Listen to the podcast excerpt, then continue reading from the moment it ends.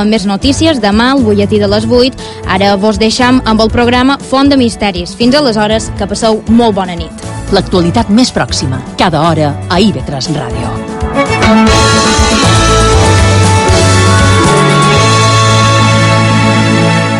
IB3 Ràdio. La ràdio autonòmica de les Illes Balears.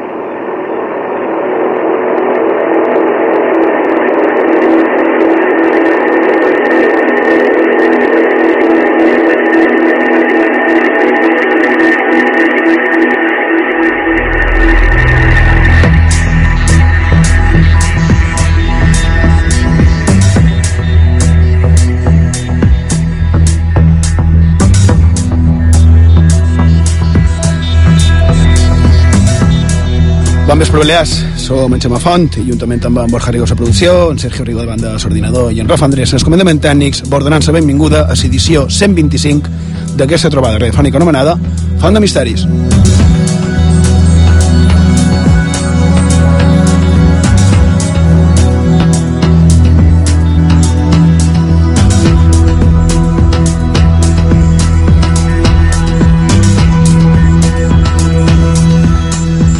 Duim ara un parell de setmanes parlant de, del dia d'això, del dia d'allò, i avui, de 9 de març, és el dia d'espara. I aquí sí que, igual que altres dies deia que me semblaven d'allò més bé, el dia d'espara ho trob una mica, no sé, tal vegada prescindible. Més que res, perquè aquí sí que no hi ha molta cosa per dir. Si, si tens pare, si el teu pare és viu, i aprofita'l, i si no el tens, si ja no el tens, no fa falta que ningú no et digui si és o no és el dia d'espara. L'enyores cada dia, des dia, el dia que se'n va anar, i supos que és així fins que tens ús de raó. Perquè, més, en el final, eh, tots tenim, han tingut un pare, no? I el que són pares, només dir que recordau la responsabilitat que tenim a sobre. Però no fa falta dir-ho. Bé, espero que no faci falta dir-ho, el manco en general.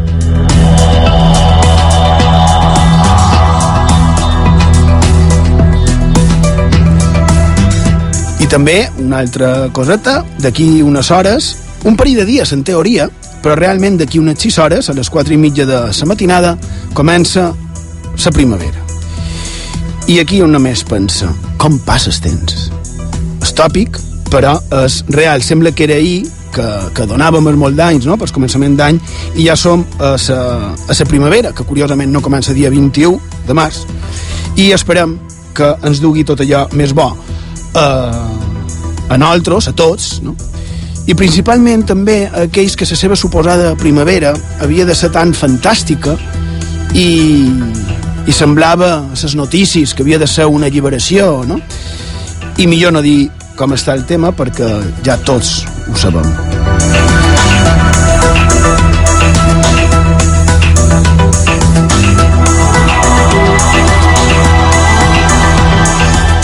Bé, ara evidentment feia, feia referència, clar, a la primavera àrab, aquella mena de moviment que semblava que havia de canviar el món i ho va canviar, però sobretot Europa i no per bé, precisament.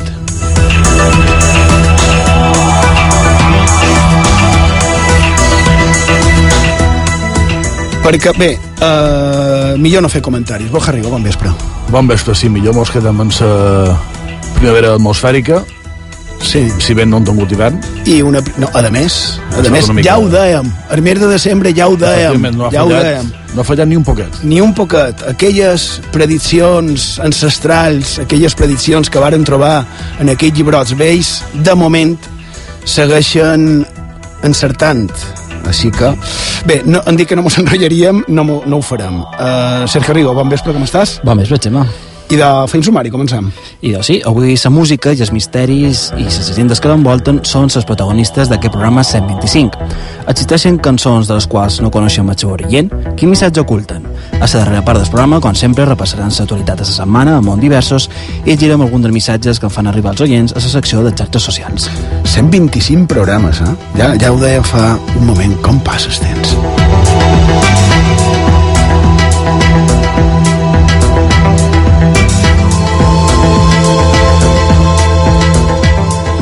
Bé, i per poder contactar amb nosaltres, per comentar, per cert, gràcies, com sempre, a tots els que precisament ens comentau temes, ens donau pistes, ens criticau, a més dona gust, perquè ho feis sempre de manera constructiva, i de, a tots, gràcies, i com podeu contactar amb nosaltres? Ho tenim obert, tot a punt?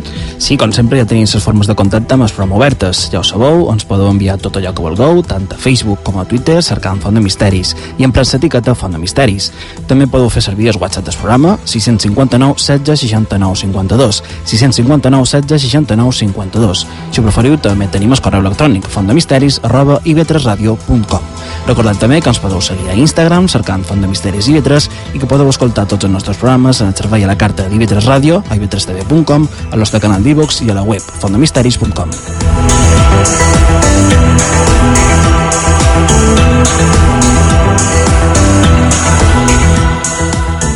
I evidentment que, que la música forma part fonamental del, del món del misteri, de, del món de les llegendes, no?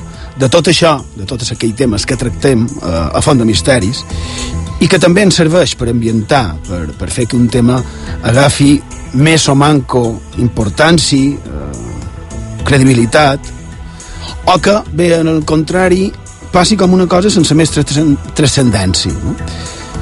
Perquè no és el mateix emprar aquesta música com a sintonia de fons quan un xerra, quan un conta segons quines coses, no el mateix aquesta música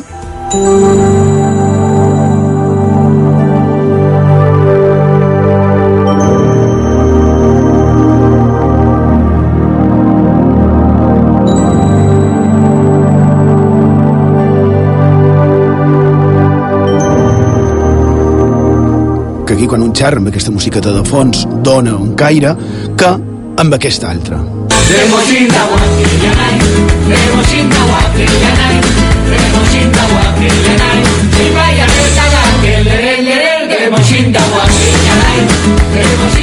Això que està sonant, Borja, mira que te vaig dir, una que sigui petxanguera, que has posat I de, com segurament més d'un ja ha pogut reconèixer, és una estranya versió d'aquella cançó d'en Peret, El Muerto Vivo, cantada en japonès. i de el que volíem mostrar, evidentment no és el, el mateix, eh? una que una altra, hi ha molta diferència, clar. És evident, tampoc aprofundirem ara amb això, perquè és una obvietat. Perquè amb aquesta música, amb aquesta música que sentim, i a plena llum de, de sol, en banyador, en estrenc, a les silletes, fent, per exemple, una ouija, no és el mateix que fer aquella mateixa ouija una freda nit d'hivern amb espeumes a un edifici abandonat, un edifici on hi ha hagut crims. Tampoc és necessari, com deia, aprofundir. I això, que aquesta cançó que, que han triat parla precisament de, de morts i de semblants, no? Però sí que el que tenim clar és que la música serveix per ambientar, per fer una cosa més divertida, més seriosa, més trista. Mira, ara me'n ven el cap quan, quan era jove, no? quan aquells moments durs, principalment a l'adolescència, quan aquella persona la que estimaves passava de tu, no?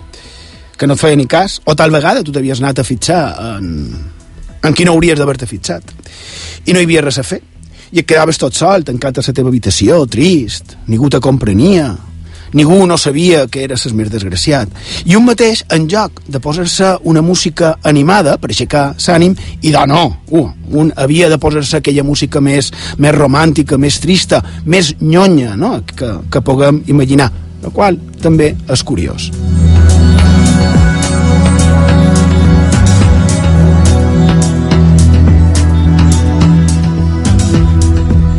Però avui no volem parlar de l'ambientació musical com a tal, sinó de la pròpia música. També de músics, de propis músics i compositors, i tot allò més estrany i sorprenent que, que ho rodeja. Sabem que serà un, un tema que ens donarà per molt, clar, però anirem desenvolupant el, el que puguem, com solem fer a Font de Misteris, i arribarem fins a que mos doni temps a les 12. Fem una petita pausa i tot d'una continuem aquí a Font de Misteris, a IB3 Ràdio.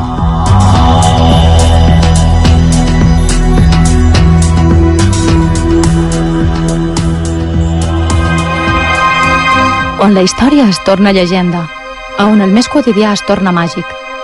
Acompanya'ns a la nostra font de misteris a IB3 Ràdio.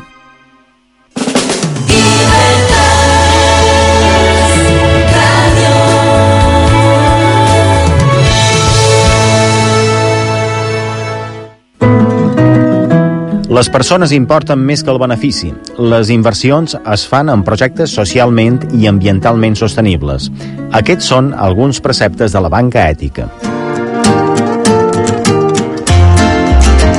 Diversos portaveus ens acompanyaran precisament el cap de setmana en què la banca ètica és protagonista a la Fira del Mercat Social que se celebra a Palma. I això no és tot que abans haurem viatjat en microbús fins a la Índia amb part de l'equip de La Gran Ruta Índia, el programa que aquest dimecres vespre s'estrena a IB3 Televisió. Vos ho explicam a Flors en el desert, diumenge, entre les 9 i les 11 del matí. Maria, s'ha acabat ja. En temes sexuals han de ser clars i no mos han d'amagar, eh? Ai, Joaquim, saps que n'hi ha desconeixements i no te pots fer una idea dels mites falsos que encara mos envolten. I de no pot ser, les coses s'han d'explicar i s'han de tractar. Han de dir adeu en aquest oscurantisme. No passis pena, tens solució. Perquè la sexualitat és una part important de la vida, la tractam de forma clara a No apaguis el llum.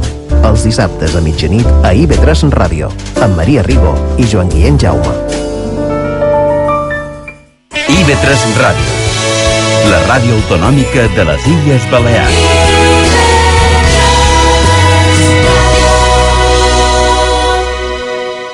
A IB3 Ràdio, Font de Misteris.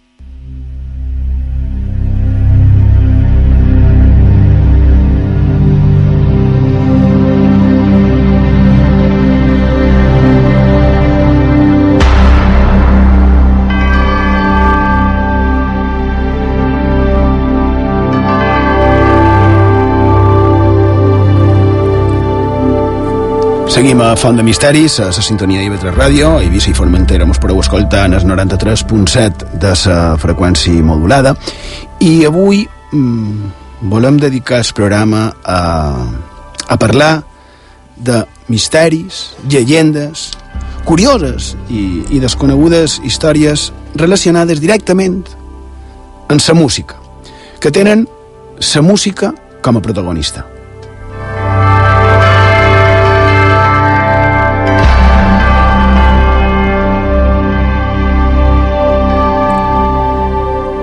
I una de les situacions misterioses i miraculoses on la música forma part essencial, com no, són les troballes de qualcunes de les mares de Déu, diferents i llenques mares de Déu, com per exemple la situació que va, va viure i que, i que es va trobar de front un pastoret, anomenat Juan Boy, hm? quan pasturava la seva guarda per diversos cims que separen el port d'Alcúdia, en la badia de Pollança, era un dissabte del mes de juny i cap a la posta del sol ell baixava per la muntanya quan fue deliciosamente sorprendido por cantos suavísimos que con celestiales acordes entonaban himnos a la Virgen. Acercóse al punto donde salía aquel concento. Bé, un concento són uns càntics molt harmoniosos, molt harmoniosos en, en diferents veus, i segueix. Y vio un coro como de ángeles que rodeaban una imagen de María.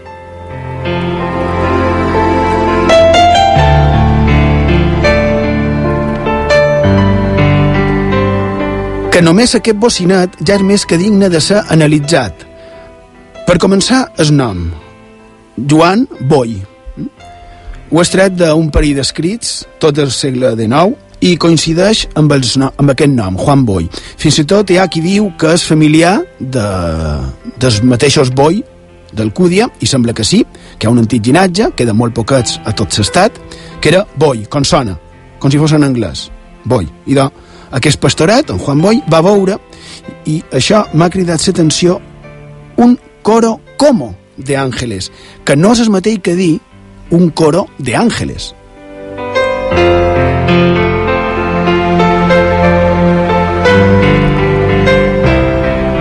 És a dir, que semblaven ser àngels, però els autors d'aquestes cròniques, d'aquests escrits, no ho, valen, no ho varen voler afirmar del tot, no varen afirmar que fossin àngels.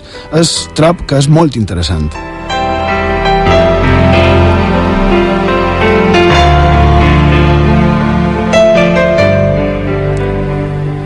I segueixen aquests, aquests relats de la troballa amb una cosa que encara m'ha sorprès més, perquè mos diu que quan el pastoret estava arribant, diu, al moment en què llegava, iba a entonar-se la salve regina.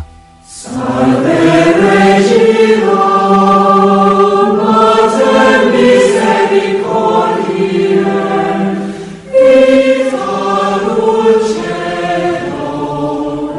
I just en aquell moment, dos de aquellos desconocidos repartieron luces a los demás sin olvidar al extático pastorcillo que también recibió una vela encendida. Després el lot es posa a cantar amb els altres, amb aquells éssers que eren com a àngels, i en acabar va besar sa, sa mà a la santa imatge i va dir Senyora, vos sou la Mare de Déu. I just en dir això, aquella imatge va desaparèixer. I ell romangué allà, pasturant les ovelles, fins al dia següent, que era diumenge, i se'n va anar cap al Cúdia per anar a missa. I clar, un picallà li va contar tot en el capellà, però clar, el religiós no li va fer ni cas. No? Dissabte següent, passa tota la setmana, dissabte següent es torna a repetir el mateix fenomen, però amb una particularitat. Fixeu-vos com l'anomena. Diu, repitióse el sábado siguiente el mismo prodigio y con sorpresa del vidente. El personaje que repartía las luces para cantar la salve llamóle por su nombre al entregarle la vela. El personaje, diu, curiosa també la descripció, és a dir, torna a repetir-se el mateix ritual, entrega de llumats, per part d'un personatge, eh, per entonar un càntic, aquest càntic. Salve Regina, Mater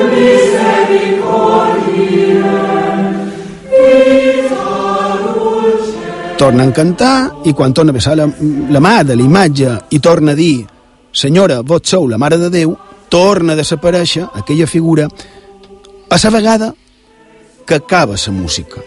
És a dir, encara que no cantessin, seguia havent una estranya i misteriosa música que no se sap d'on sortia, a part d'una imatge a la que ell li besa la mà.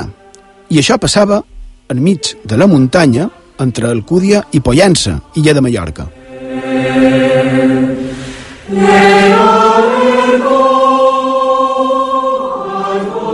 Torna a baixar al Cúdia el dia següent per tornar a anar a missa i altra vegada el mateix. El capellà que ni cas, que no li creu.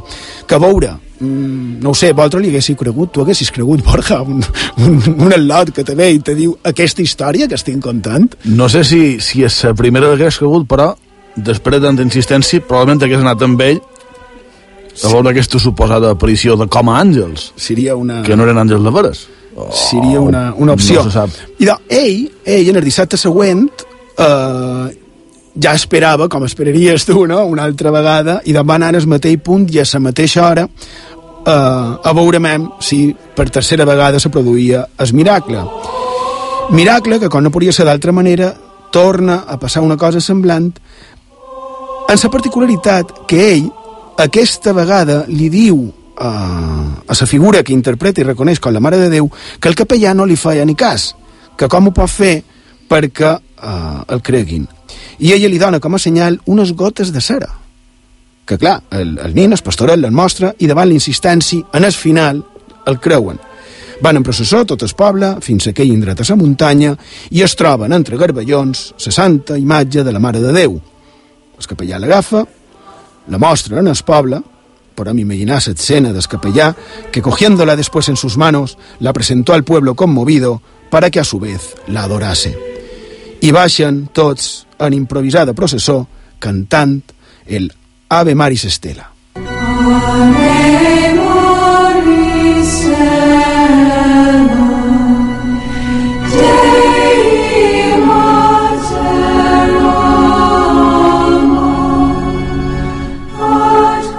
Curiós també aquest canvi d'himne de, de cançó, de música, no? Recordem que les altres vegades eh, aquells que eren com a àngels, aquells personatges, entonaven el Salve Regina, i ara ens parla de Ave Maris Estela. I amb aquesta música acompanyen la imatge fins a l'església del Cudi, on la deixen.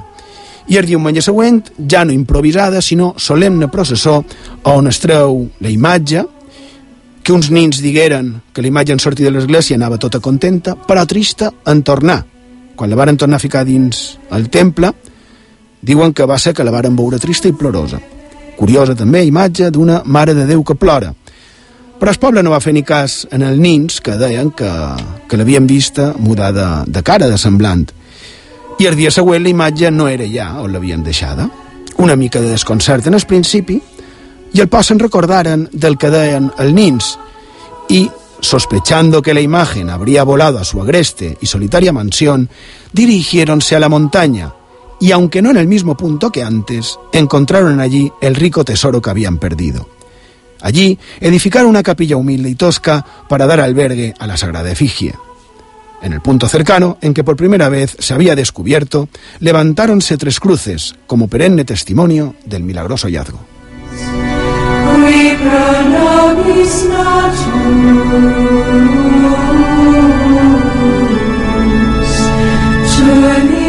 Aquest seria el suposat origen del santuari de la Victòria del Cudi i si ens fixam bé en, en tots els detalls trobam moltes dades curioses i significatives com per exemple que quan la retroben després de desapareguda no la varen trobar exactament en el mateix punt on la va veure el pastorat però sí a prop també el que hem dit de que no diu que eren àngels, sinó com àngels. Interessant i sorprenent que la mostra de la Mare de Déu siguin unes gotetes de cera. També els nins que la veuen trista per tornar a entrar dins aquella església. És a dir, estem davant d'una troballa recurrent i semblant a, a d'altres, però també que té uns punts com a massa divergents. No? I aquí quelcom pot pensar que tal vegada sigui que l'origen no pugui ser el mateix que amb altres, que sigui qualcú que tal vegada no cristià o no massa, o altres possibilitats. És a dir, tal vegada amb aquestes particularitats un podria pensar que els autors que varen escriure això no eren eh, partidaris de la religió catòlica.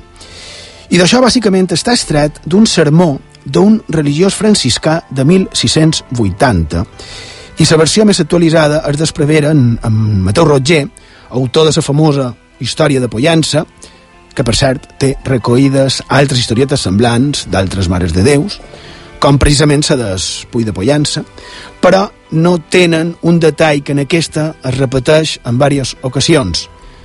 L'especificació d'un parell de bandes sonores adients a la situació que estàvem visquent.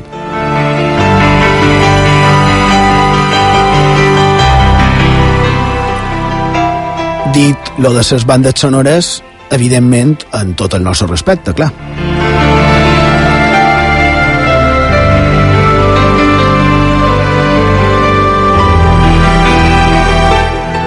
Però no deixen de ser bandes sonores. Són bandes sonores d'una situació que en aquell moment s'estava produint. Jo ho veig així. Després està l'origen i el significat que cadascú li vulgui donar, no? Te pot demanar quin, quin significat li donaries tu. Però efectivament és així, perquè la música forma part també fonamental no? dins la religió. La música és important en tots els àmbits de, de la vida, de la natura, forma part de la pròpia natura, i per això no és estrany que, per exemple, eh, l'any 1721 hi hagués fins i tot immunitat eclesiàstica per als músics de la seu de Mallorca.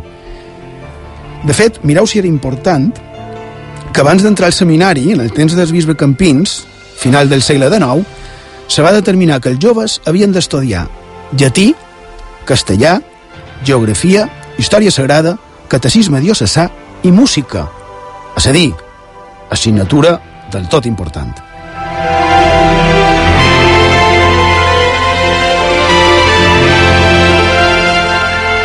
I és que, clar, com comentàvem, la música pot ajudar a crear un ambient, una, una situació, pot ajudar a fer entrar dins una atmosfera que un vol, i segons la música pots aixecar l'esperit o enfonsar-lo. Pot donar ànim o tristor, és evident. Un exemple, precisament, les bandes sonores. No? Ara sí parlam de pel·lícules. que serien les pel·lícules sense, sense les bandes sonores? Tan importants són tant transmeteixen les bandes sonores... I don, en paraules d'en George Lucas serien un 50%. És una bona especificació, no? 50%. I és vera, perquè no és el mateix veure una pel·lícula en certes músiques que en unes altres, el que hem vist abans en la cançó que has triat d'en Peret, que tu també, la d'en Peret.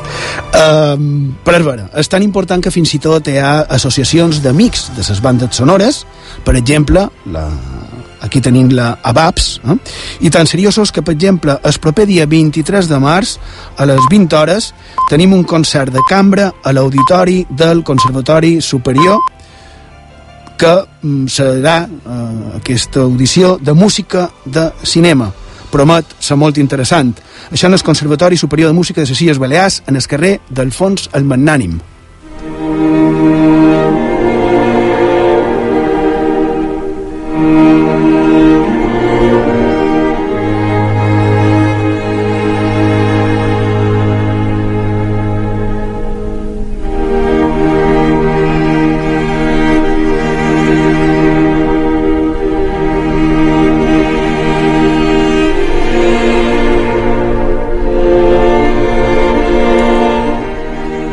I ja que estem en música, concerts, conservatori i instruments, anem a un tema molt desconegut a la vegada que estàs. Hm?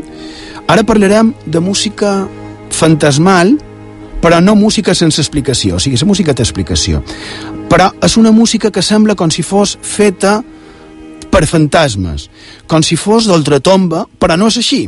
És música feta amb un instrument que podrien dir que és relativament modern. Té d'haver 100 anys, s'ha emprat a grans obres musicals, però és desconegut. Hi ha fins i tot qui diu que és l'únic instrument que es toca sense tocar-se. És a dir, no fa falta que hi hagi contacte físic en res per fer-lo sonar. És una música que es fa movent les mans com si es fes màgia. Un fa llesta sense les mans i segons el moviment que faci sona una o una altra nota.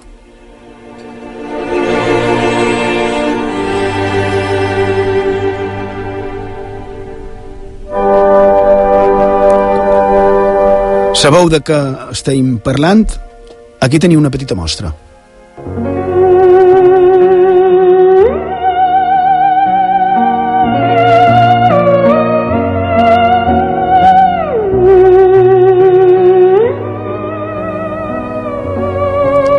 Aquesta peça musical és molt coneguda, Over the Rainbow, de precisament banda sonora, la pel·lícula de Wizard of Oz, però fixeu-vos que l'instrument principal no és fàcilment identificable. Escoltau.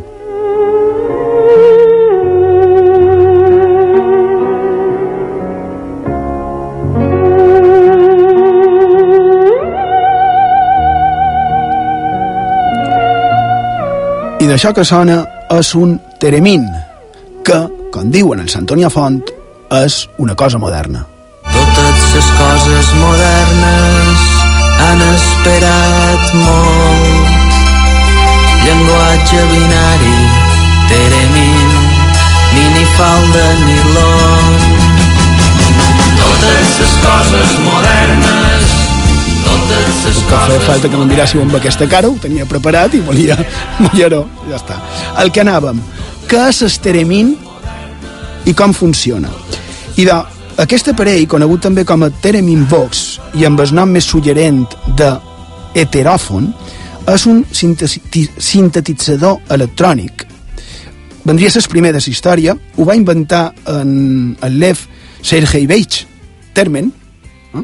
que va néixer a Sant Petersburg, que després seria la ciutat de, de Leningrad, va néixer a final del segle XIX, quan a les nostres illes, a l'Aró, eh, començava a funcionar la primera empresa elèctrica. És a dir, aquí es començava a subministrar electricitat i en, Lev Teremin ja es dedicava a estudiar electricitat en només 7 anys, principis del segle XX, i a més també ho va eh, compaginar amb una altra passió que tenia, que era música, també estudiava música. I eren dues passions que gràcies en els avanços del famós Tesla va decidir en Teremin posar en conjunt i en 13 anys va inventar aquest instrument. No? Té altres invents, com el circuit tancat de televisió, als anys 30, que crec que més eren en color. Als anys 30 hi ha circuit de televisió. Són aquests inventors que han passat sense massa glòria, supos que el tens en el final, com ha passat amb el Donostat durant tant d'anys en Tesla, i de qualque cosa semblant passaria amb aquest home, soviètic, amb una vida digna també de pel·lícula. En resum, va començar de nin, com he dit, a fer invents. Després de la revolució russa se'n van als Estats Units. Eh, havia estat un escoll per en, per en Lenin, que també Lenin va tractar d'aprendre a fer ús d'aquest instrument, el va voler popularitzar, el volia emprar com a exemple per mostrar en el món del que eren capaços els soviètics amb aquests instruments. I en termes se'n van als Estats Units, diuen que també era espia.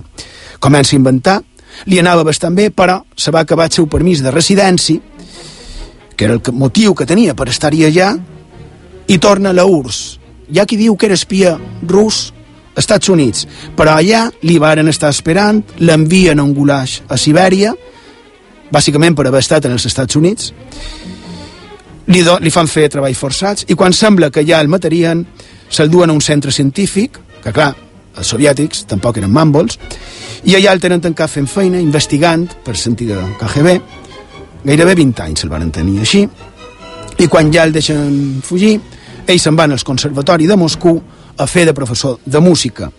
I just en aquell moment que l'alliberen, just en el moment que ell se'n va en el Conservatori de Música de Moscou, se popularitza i es posa a nivell internacional com a número 1 a les llistes musicals aquesta cançó.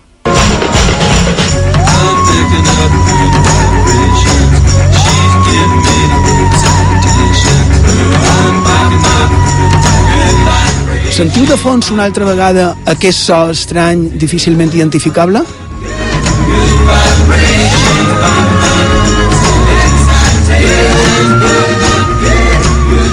I de, si ens fixam amb aquest estrany instrument, no és exactament un teremín. Què és aquest instrument? No, és, és molt parescut, o oh, bé, una mica parescut, és un instrument inventat l'any 1928 i que se diu ones de Matertot. Però no, el seu creador, en Maurice Matertot, enginyer i cel·lista francès. I de precisament aquest instrument eh, basat en, en el teremín que se va emprar en aquesta cançó nord-americana, Good Vibration, va acabar de donar-li la sempenta que li feia falta en aquell pobre home, en el Leo Teremin, que, com sovint passa, va patir una llarga temporada d'ostracisme.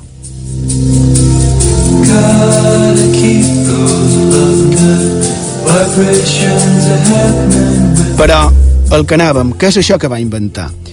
I és un instrument on hi ha dues antenes que generen un camp electromagnètic i l'intèrpret el que ve a fer és una mena de, de conductor elèctric sense ser necessari arribar a tocar cap element i quan més s'apropa o més lluny de les antenes, més agut o més alt sona aquesta mena de pertorbació electromagnètica. Fent un so, que si se sap conjugar, fa música. I és una música, com hem vist, que és pertorbadora. Una música com si fos del més enllà, com a d'oltratomba, com he dit.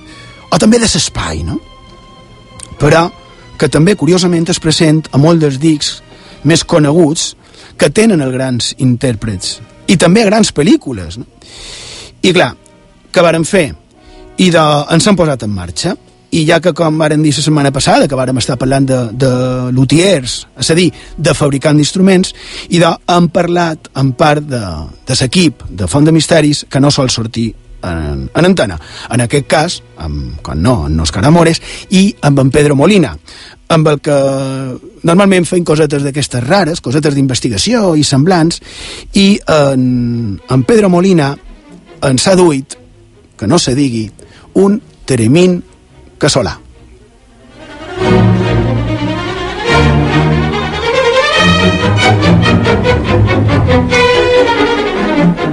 Així que, en tots vostès, a Font de Misteris, el so en directe d'un Teremín Casolà.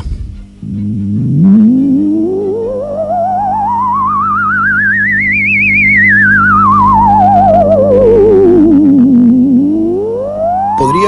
Gravar això, si, vol, si voleu, ho podeu gravar, ho poses a les xarxes. Um, Pedro Molina, moltes gràcies. nada. Uh, ¿Qué estás fent? ¿Pots explicar qué estás fent? Bueno, pues ahora simplemente estoy acercando la mano a la antena, entonces se modifica el campo electromagnético que hay alrededor de ella y genera una frecuencia audible a través del altavoz. I ell ho ha fet, uh, val la pena veure-ho. La veritat és que no li vaig avisar massa temps i ho ha fet amb una caixa buida de CDs o de DVDs on hi ha un munt d'aparatats petitets amb cables i ell mentrestant està moguent sa mà de vora com si fos una antena de ràdio i se suposa que amb això se podria fer música que du a de, a de dins, què és el que ho fa sonant això? Bueno, pues mm, este es un Tremin casero muy, muy básico. Entonces tiene muy pocos componentes, tres transistores, unos cuantos condensadores y resistencias. Y, bueno, tiene un, un ajuste de, tono, porque dependiendo de la longitud de la antena, pues eh, hay que ajustarlo para que, para que se, se balanceen los osciladores que tiene en el interior. Ahora está balanceado, está, está callado. Val, ara has llevat aquell so que hi havia i ara només fas la nota musical que vols fer en un moment determinat. Jo vull provant, això, espera, ja m'aixec, perdó. I me posa aquí?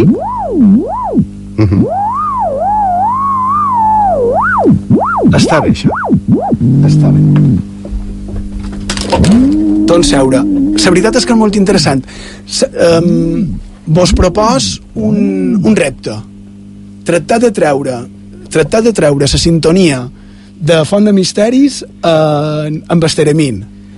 A veure si per la setmana vinent o per la propera. Què Ja comença a demanar. Ja començam a demanar. Hombre, si li demanem que me facin un Ja, Teremin... ja ho han fet, no? Hombre, i mos ho fan, eh, jo crec que haurien de...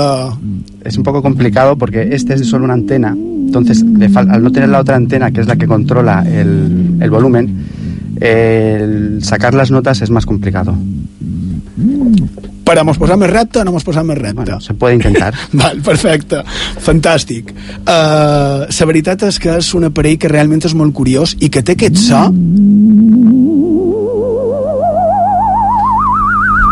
que és inquietant.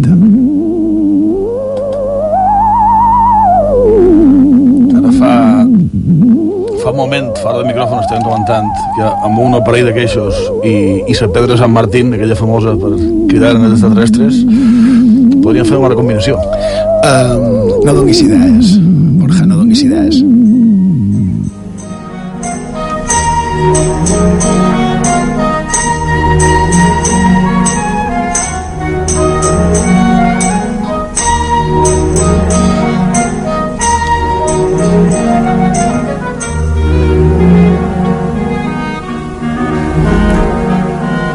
Per cert, una, una cosa que se me va ocórrer, clar, diuen que les zones electromagnètiques dels aparells electrònics són dolentes, no? No ho sé, es diu, i un pensa que si amb aquest aparell, que com s'ha explicat en Pedro Molina, un forma part de, de, del propi so, és a dir, un pertorba els camps electromagnètics, és així, no, Pedro?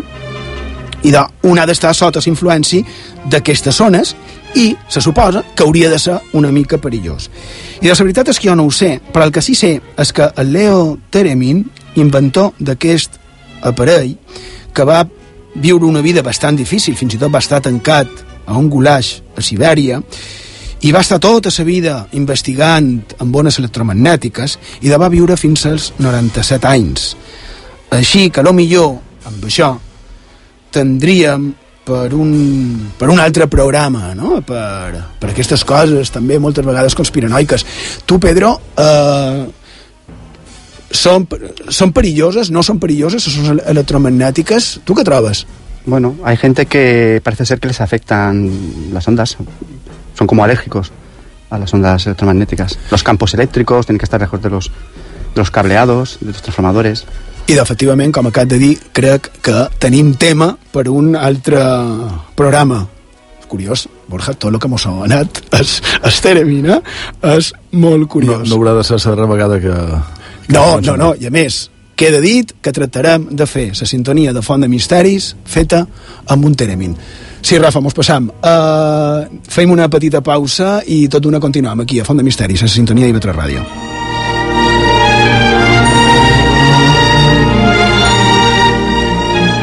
A IB3 Ràdio, Font de Misteris. IB3 Ràdio, la ràdio autonòmica de les Illes Balears. Els capvespres d'IV3 Ràdio són per passar una bona estona i oblidar els problemes quotidians, per rebre l'assessorament de professionals qualificats, per escoltar entrevistes ben interessants. De dilluns a divendres a les 4, això és IB3. Tots els vespres, IB3 Ràdio et convida a fer un viatge per l'ex-societat de Menorca i de les Illes amb Nura. Som en Carles Marquès i et convida a entrar cada vespre a Nura. Nura, el nou espai conduït per Carles Marquès i Lola Maiques. Cada dia, de dilluns a divendres, a les 9.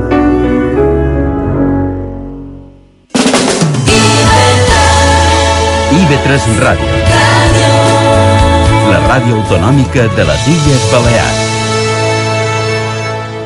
A IB3 Ràdio, Font de Misteris, amb Xema Font.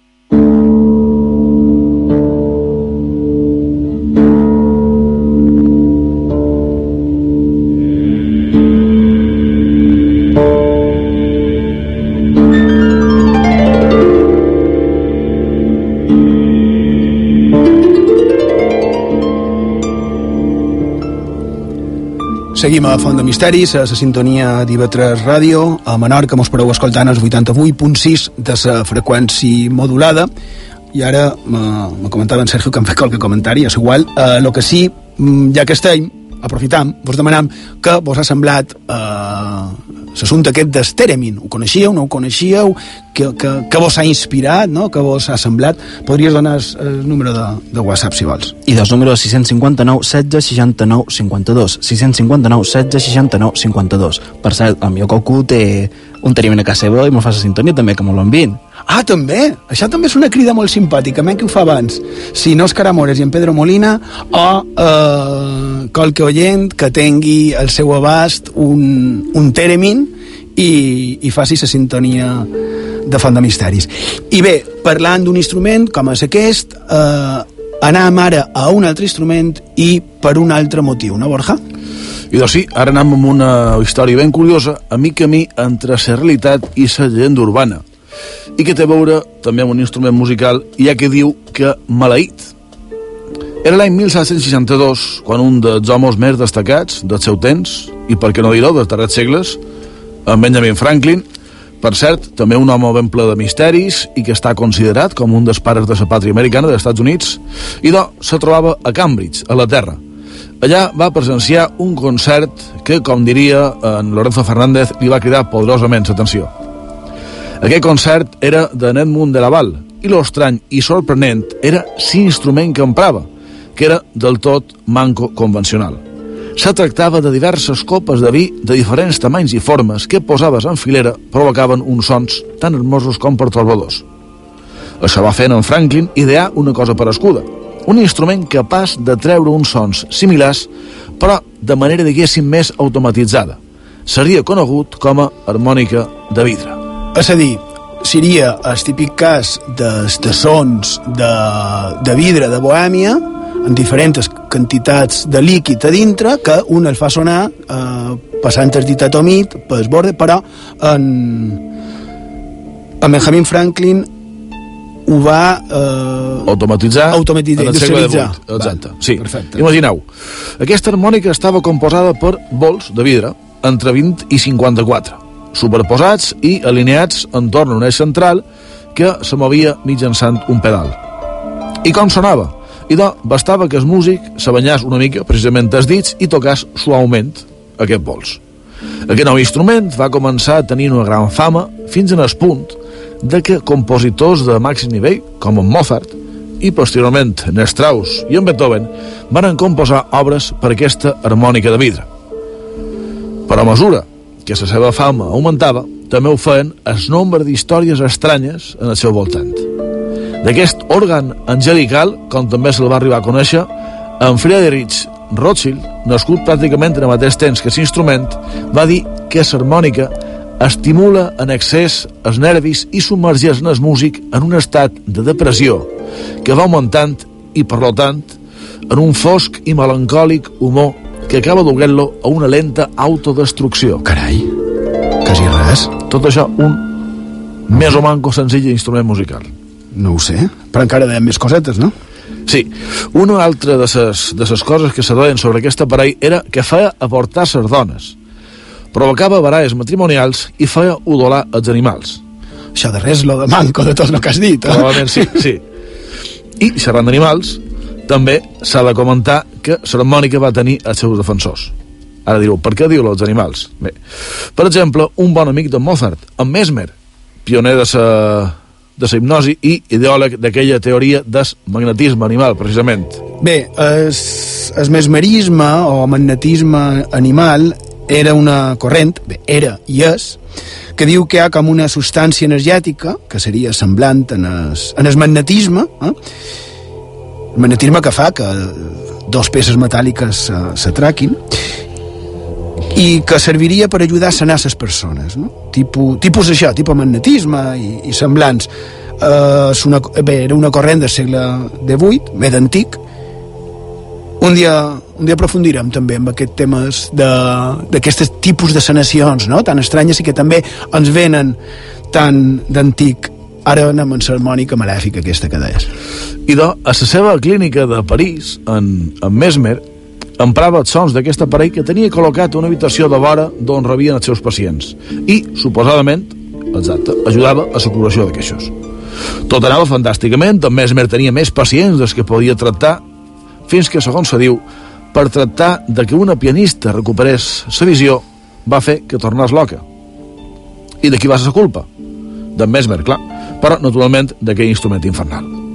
Lo curiós, i aquí hi ha certa controvèrsia entre les versions que, que circulen, és que aquesta pianista, na Marianne Kirchnesser, famosa a tota Europa en el moment de, de perdre el seny, de tornar loca, ja feia 10 anys que també tocava l'harmònica de vidre. En qualsevol cas, eh, fets com aquests i, i d'altres similars, malalties, suïcidis, entre qui emprava aquest instrument, i de, va fer que un grapat de ciutadans eh, revolucionats a les ciutats alemanyes i de eh, considerassin eh, sarpa perdó, l'harmònica de vidre com a prohibit, com a prohibida. Fins que va caure pràcticament eh, total oblit a la dècada de 1830 així tot hi ha qui va crear fins i tot un, un espectacle amb aquest instrument de base. Ho contarem quan xerrarem de, de màgia i d'il·lusionisme que Sí, ho tenim, aviat. ho tenim sí. previst, ho tenim previst, sí. Però només donaré un, un títol. Fantasmagories. Però en el final eh, estava o no maleït? Hi ha una constància científica? Hi ha dades, no sé, reals? Bé, i doncs la resposta, si estava maleït, és sí i no. O no exactament. Resulta que el recipient de vidre tenien gran quantitat de plom, així com també la pintura que s'emprava per, per decorar-los. I clar, un contacte continu provocava precisament tots aquells mals. Símptomes d'un progressiu enverinament i preludi de sa mort. A dia d'avui no hi ha, evidentment, gran nombre de professionals que se dediquen a aquest instrument i catalogades deu haver d'haver 400 obres, no, no més. Com a mostra de com sona aquesta harmònica de vidre, podem escoltar, si voleu, un fragment de l'obra que va composar Mozart, Adagio KB 357.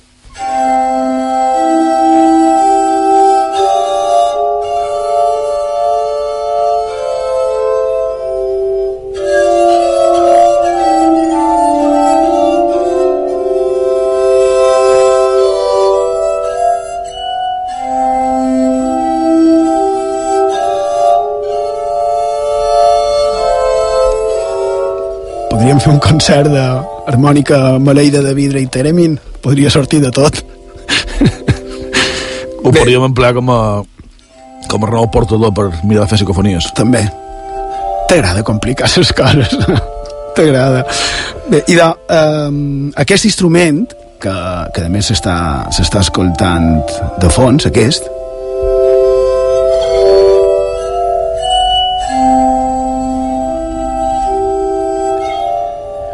curiós, sofisticat, si voleu, però aquí, com no, també tenim els nostres instruments que tenen certes curiositats al darrere.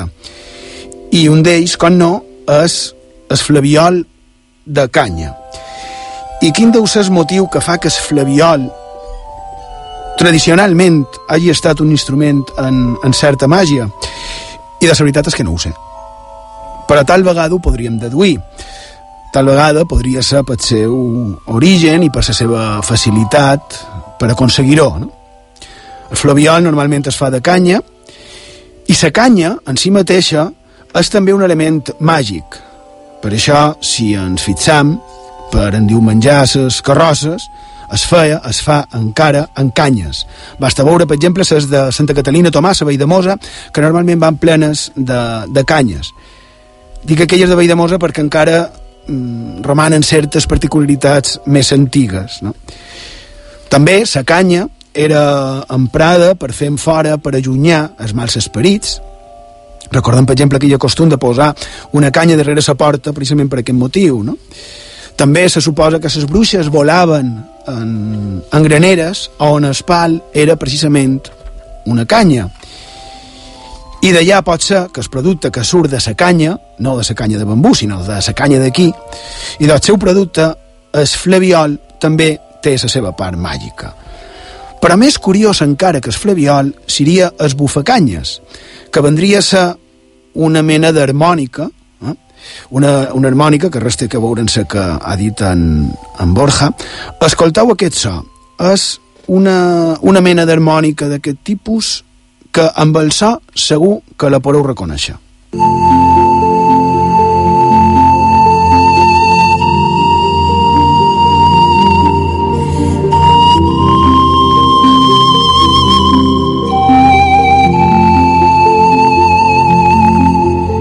Es tracta d'un instrument conegut com a flauta d'empan. De, eh?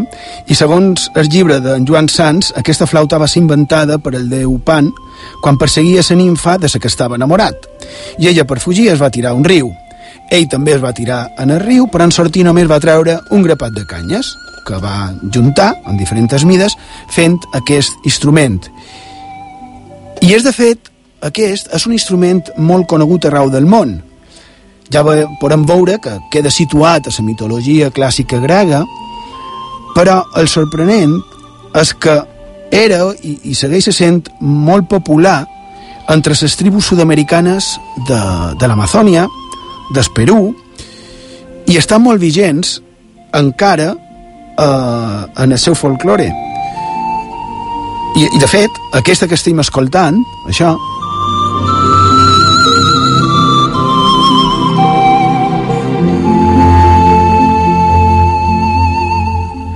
Això precisament ve d'allà, ve de Sud-amèrica, que fins aquí perfecte.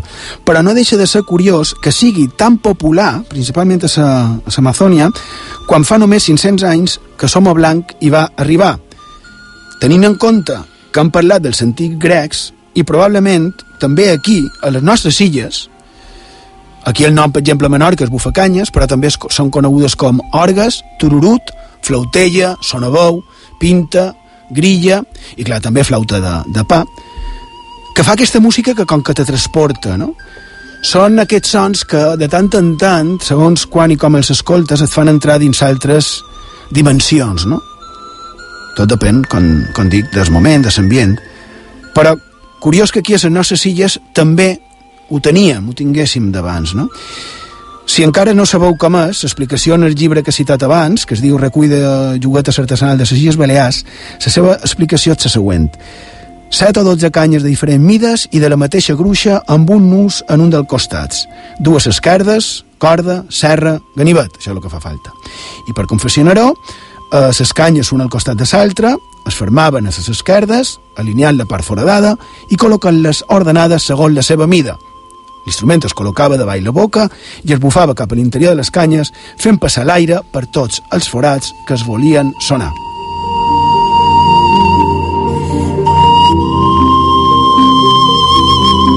I també és molt curiós perquè això ho hem tret d'un llibre de lloguetes.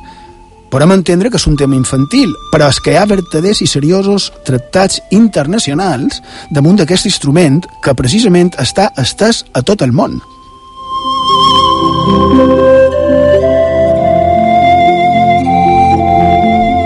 I, evidentment, a les nostres illes també. Diu l'editor i escriptor en Lluís Ripoll que probablement ja era emprat per als habitants teleyòtics o preteleyòtics. És a dir, imaginem en els nostres abans passats amb aquests bufacanyes. I arreu del món.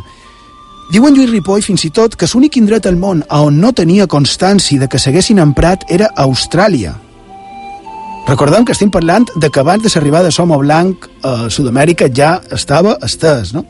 I què deu tenir aquest instrument tan bàsic, no? Si fins i tot a l'arxidut Lluís Salvador li va cridar l'atenció, si el va dibuixar fins i tot amb aquells gravats tan perfectes que hi feia, no?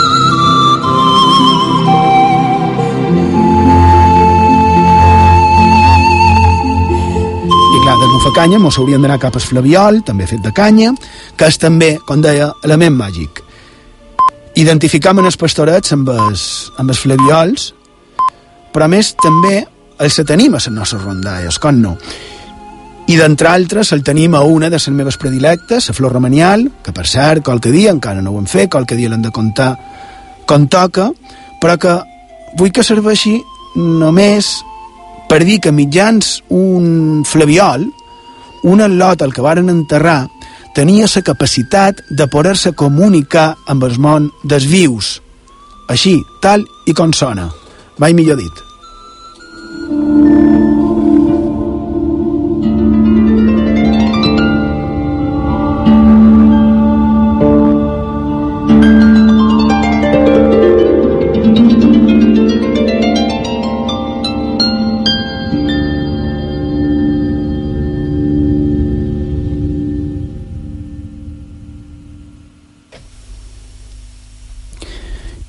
D'aquesta melodia sorgida d'un flaviol de, del pastoret que li va permetre sortir d'esforat eh, en aquell lot injustament eh, soterrat i de, a una altra melodia en aquest cas bastant més dramàtica, no, Sergio? Sí, efectivament, Xema. Ara xerrant d'una cançó, de la qual ja comentarem alguna cosa fa unes temporades aquí a Font de Misteris. Alguns oients Ventura recordaran el títol, Gloomy Sunday, i la llegenda urbana al voltant d'aquesta cançó. Segons pareix, i van conèixer en el diari El País, el tema compuesto en 1933 por el pianista húngaro Rezzo Seres ha sido históricamente etiquetado como maldito por la leyenda de que incita al suicidio. Ara la pregunta que s'han de fer és, per què ha estat considerada una cançó que incita al suïcidi? El primer que hem de mencionar és la temàtica de la cançó i per què se va considerar que aquesta incitava al suïcidi. El país ho llegíem. El tema habla de la desolación de un hombre que ha perdido a su amada y se propone quitarse la vida un domingo, el mismo día de la semana en que ella desapareció. I com se relaciona això amb la suposada incitació al suïcidi? Els diaris segueix La leyenda de la canción fue posiblemente espoleada por un artículo en la revista Time publicado el 30 de marzo de 1936 y que hablaba de un repunte de suicidios en Hungría conectados con la pieza. La policía de Budapest, investigando el suicidio de un zapatero llamado Joseph Keller, descubrió que Keller había dejado una nota en la que citaba versos de esta canción. Además, en el Danubio habían aparecido varios cuerpos de suicidias sosteniendo en sus manos la partitura de la canción y que al menos dos personas habían disparado después de escucharla. Per acabar de dir que en 1941 la BBC la va retirar de la seva programació i no fou fins al 2002 que aquesta censura es va mantenir. Bé, eh, podríem entrar en polèmiques o no. Aquí la pregunta seria què ha de cert, és vera, no ho és, és només una llegenda urbana, no sé què penseu, no sé si voleu dir res, no sé si ho voleu escoltar, voleu que ho escoltem?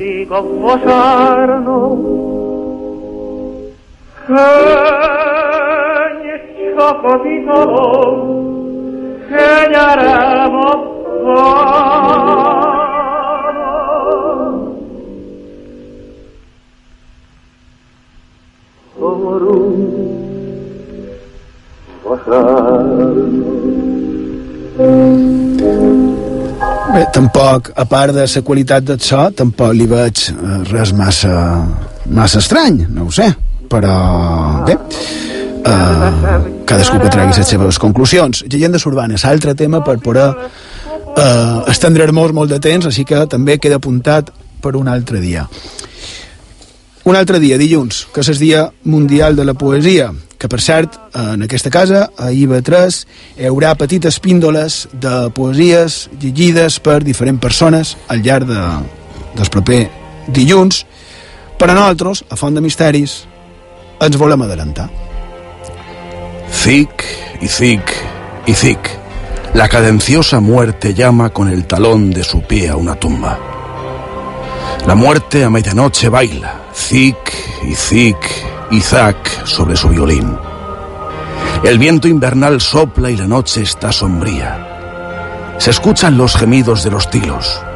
En la oscuridad se ve a los blancos esqueletos correr y saltar bajo sus mortajas. Zic y zic y zic, cada uno temblequea. Se oyen chasquear los huesos de los bailarines.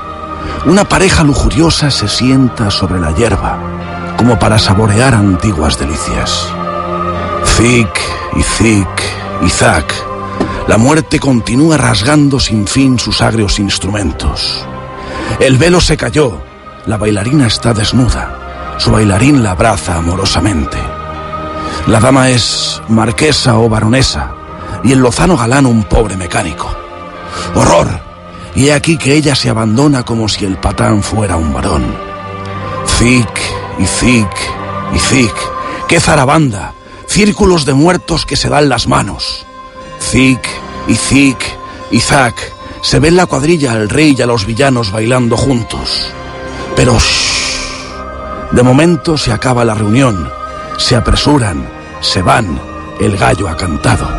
Oh, qué bella noche para el desgraciado mundo. Que vivan la muerte y la igualdad.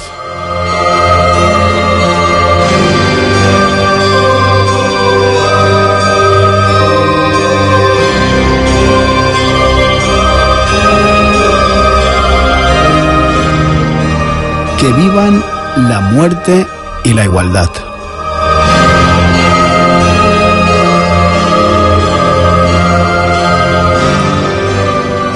La mort, Borja.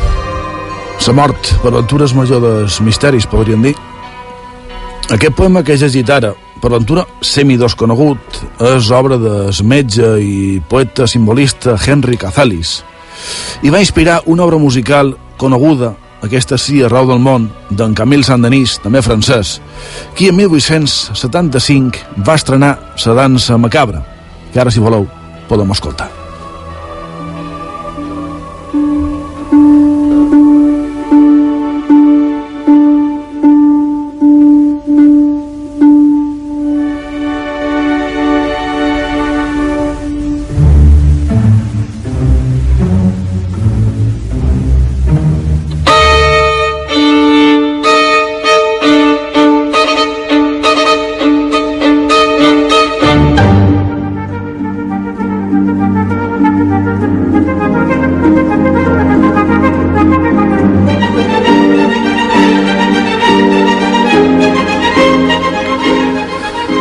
Aquesta obra representaria, seguint els versos del poema, a sa mort tocant el violí a mitjanit. I mentre la música sona, els esquelets ballen en el voltant de la tomba. Quan surt el sol, quan canta el gall, tots se retiren a descansar en els seus sepulcres. És cert que tant el poema com la composició musical pertanyen al segle XIX, si bé la dansa de la mort és un tema artístic que se remunta fins al segle XIV i va començar més sent una representació pictòrica que amb els pas dels temps van evolucionant. Lo curiós és que, com bon reflex de la seva època, la feudal, en aquesta primigènia dansa de la mort se representaven els estaments de l'època. La mort convida en el ball per ordre en el papa, a l'emperador, en el noble, en el pagès, en el nin i en el boig. I, per cert, eh, no gaire fora d'aquí, existeix una tradició amb dansa de la mort i tot, i que és ben curiosa. Sí senyor, i així és, i val la pena dedicar-li més temps a un altre moment, principalment pel tema que tracten i com ho fan. És la versió teatral de la Sagrada Passió i Mort del nostre Senyor Jesucrist. No? És una representació en reminiscències de l'edat mitjana, es representa el dijous sant, dijous que ve, a Verges, a Girona, i eh, una de les particularitats que més ens han cridat l'atenció, molt bona observació, Borja Rigo, és la dansa de la mort, on podem veure un, uns esquelets, cinc, acompanyats d'uns altres, però cinc principalment, que caminen, molt ben aconseguits, recordem, edat mitjana, està molt ben ambientat, ple de simbolisme, i fan unes danses en el so des, dels tambors. Això sona així. El so que ara escoltareu és un so ambient, no és massa bo, però podem imaginar l'escena. Edat mitjana, població de verges assolada per la pesta, segle XIV, i per commemorar-ho, cinc esquelets dansant.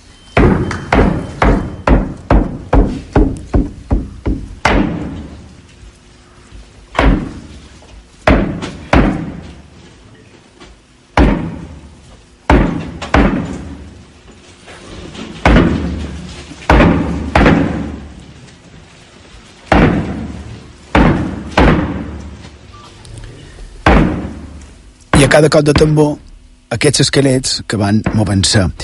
I en resum, el que ens diu aquesta dansa de, de la mort és que la mort, precisament, no perdona a ningú, que no avisa i que s'endú sa vida per convertir-nos en cendra. Bé, qualque dia haurem de, de parlar també, també de Setmana Santa, també de la figura de Jesús, tal i com ens va dir un oient en el que li agraïm, com sempre, els seus comentaris.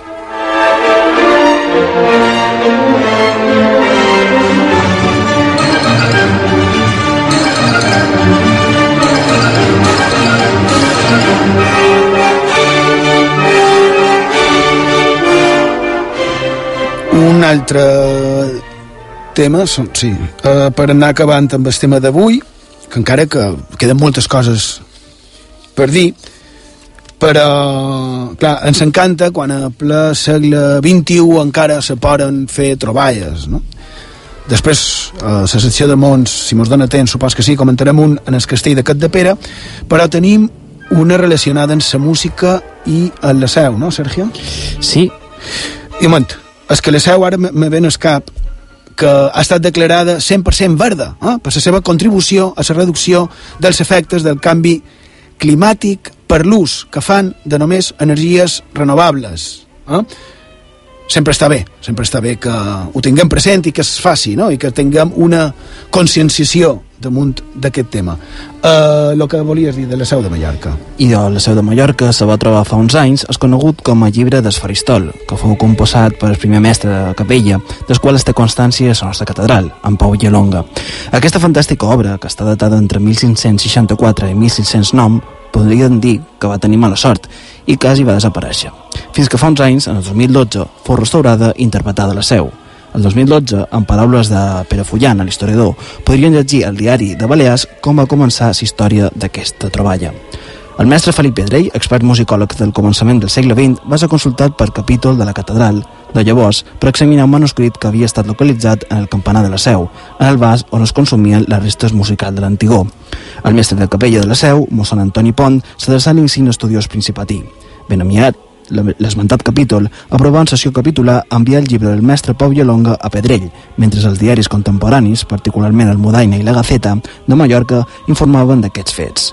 Només un mes després de l'enviament, Pedrell remetia als canonges de la seu un informe detallat i crític i s'adreçava al mestre de la capella a la transcripció d'algunes de les peces del llibre, concretament el Magnificat, que ara estem escoltant, perquè les pogués interpretar de forma immediata. Des de la catedral acordaran demanar preu a Pedrell per una transcripció de la missa, desconeixíem encara al final d'aquest episodi. Les, les partitures transcrites possiblement s'executaren entre 1907 i 1909, mentre Pont treballava a la seu. Sabem pels estudis d'Escales i Crespí que la capella clàssica també n'hauria interpretat alguna, de vés el 1934. Finalment, el mestre Joan Company ha realitzat allò que era el vell somni de Pont, Pedrell, Tomàs i tant d'altres experts. Pau de, Pau Vallolonga formava part, segons Pedrell, d'una constel·lació de grans ignorats, però que havia deixat de ser-ho a partir de 1907. Des de llavors ha esdevingut perdó, un dels referents de l'expressionisme nacional. Pedrell, en el seu informe d'agost de 1907, manifestava que amb aquesta intenció va seduir les obres amb el mateix desig que es tornés a interpretar, restituint-les al casal sagrat d'on emanaren per primera vegada i sembla que en el final um, poden saber com, com ha acabat aquesta història que per cert, aquesta música la, és la que estem escoltant de fons ara mateix, que és aquesta. We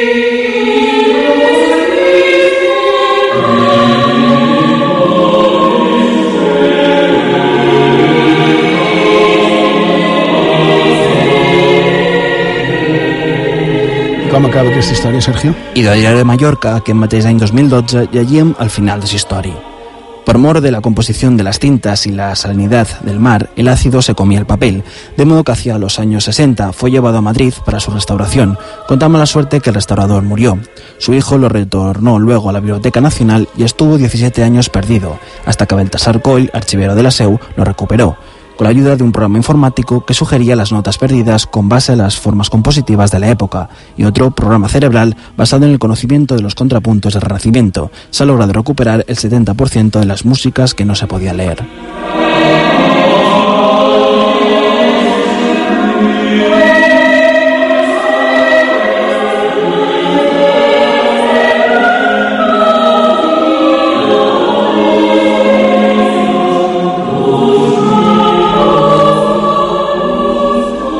I és que en el final la música forma part fonamental de les nostres vides, de, de tothom. Són més o mancos les melodies que ens acompanyen al llarg de, de la vida i també de, de la història. De ben antic ja es feia música. La pròpia naturalesa fa música, com per exemple diuen que fa música el Ferreret, el nostre petit amfibi que encara esperem que n'hi hagi a la Serra Tramuntana. I també la música, com no, ha estat acusada de moltes coses. Per exemple, satànica. Ja se sap, principalment la música rock, segona meitat del segle XX, i actualment també encara una miqueta. I abans també, també era considerada dolenta, perquè la música, estic parlant, perquè anar en el ball era pecaminós, aquí per tot arreu. Curiós això també de la música relacionada amb el pecat.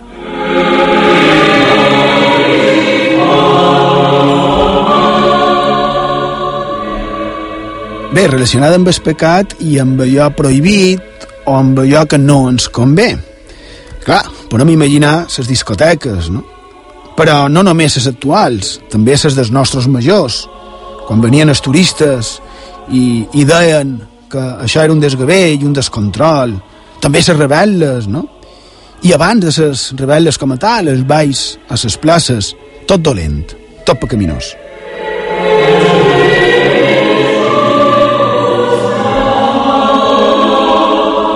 Clar, això és influència de la música moderna, o no?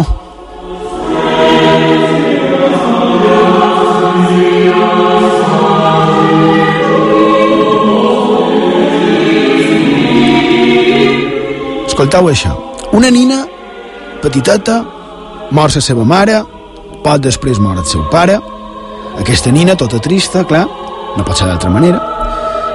Se'n va a l'església a la capella de les ànimes del purgatori, l'església de Valldemosa, Mallorca, y estando allá, luego le apareció allí una persona resplandeciente. Li parla, ella es queda més contenta perquè li diu que estigués tranquil·la, que el seu pare està bé. Ella surt de l'església, se'n va al cementeri i allà, en el cementeri, se troba directament a son pare. Son pare, que evidentment era mort i estava enterrat.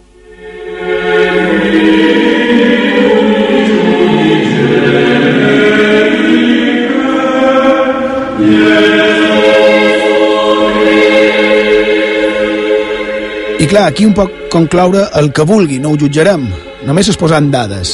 Qui o què era aquell ésser que se li va aparèixer dins l'església? I quin era aquell que se li va aparèixer en el cementeri? Evidentment, aquesta nina ho va interpretar d'allò més positiu. Volia dir que l'ànima del seu pare era salvada, segons les creences catòliques. que encara així s'esglai que ha de tenir un quan veu el que diu que és un ser resplandeciente ha de ser important no? i també tenim no deixem de banda que va veure en el seu propi pare que era mort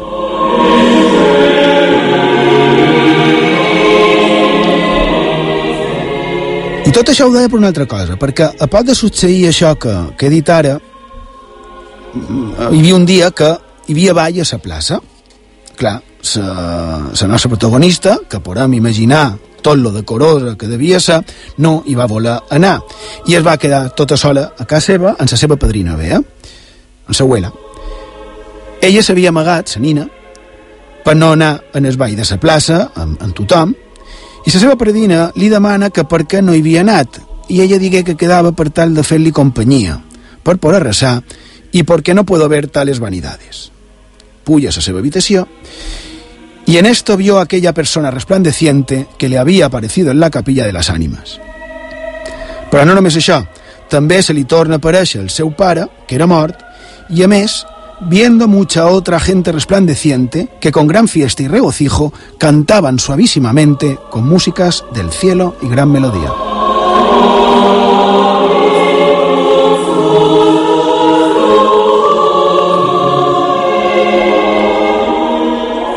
L'explicació que se'ns dona és que tal vegada aquesta era la recompensa de Déu nostre Senyor a la seva pietesa per no haver anat en el ball de la plaça i clar, a canvi li va permetre poder gaudir de visions d'éssers que eren morts que entonaven càntics misteriosos.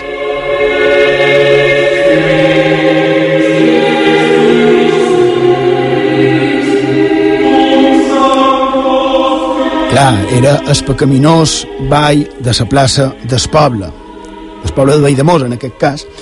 La història aquesta degué succeir més o menys comitat del segle XVI, però el llibre que ho conta i que parla del ball de la plaça és posterior, però no és de, del segle XX, com que el com podria pensar. No fa referència a músiques actuals, a rebel·les actuals, a festes actuals. És un llibre editat l'any 1617.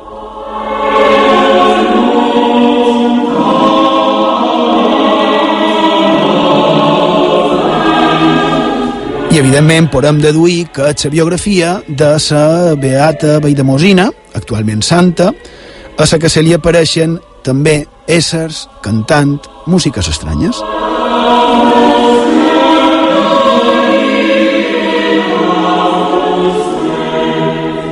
I com veiem el tema dona per molt, però bé, la veritat és que no tenim temps per més. Eh, no hem parlat de moltes coses, com per exemple, precisament, de la música satànica, però, ja que érem ara a Valldemosa, sabeu un músic molt relacionat amb Valldemosa que diuen que també veia coses rares que... Veus, aquí també això és sorprenent. Saps de qui estic parlant, no, Borja Rigo? uh, a veure, na Caterina Tomàs veia coses que podrien dir rares, o que van de veure, i eren miracles. En Chopin, en Chopin veia coses semblants també a Valldemosa i pobret, perquè d'ell deien que estava malalt.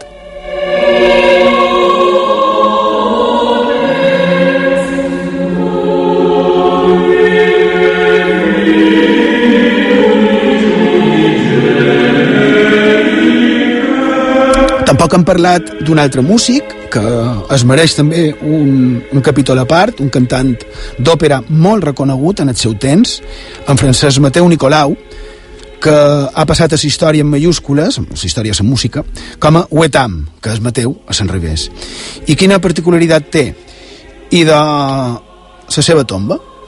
Un dia parlarem de la seva enigmàtica i sorprenent tomba. Ell era un cantant d'òpera, reconegut a nivell internacional, i també era reconeguda a nivell internacional l'òpera a les nostres illes. El primer teatre per representar òpera de l'estat espanyol va ser a Menorca.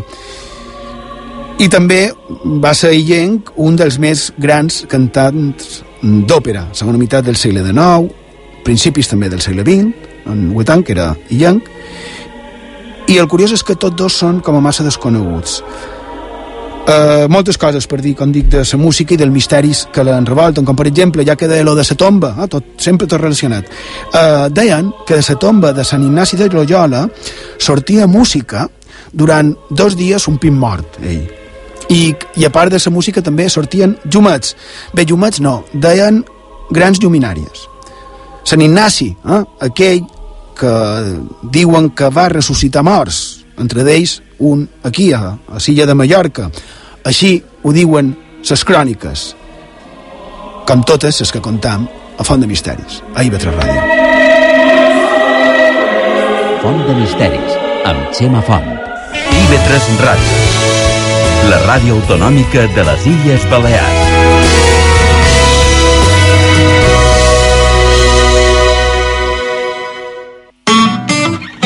La música se sent, es comenta, es compara, es punxa, es digitalitza, es balla, es veu, se segueix, s'odia, se silencia, se socialitza, es comparteix, s'estima, es recorda, s'oblida, es descobreix, s'investiga, s'estudia, s'escriu, s'esborra, s'enregistra, es toca, s'interpreta...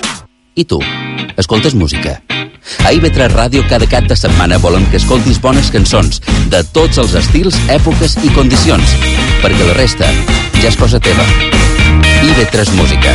Dissabte i diumenge cap vespre amb Tita Fuster. A IB3 Ràdio volem més informació. A les 7 comença la jornada amb l'informatiu matí, dues hores per conèixer les claus del dia. A les dues, a l'informatiu migdia, sabem què passa i fem una previsió del cap vespre.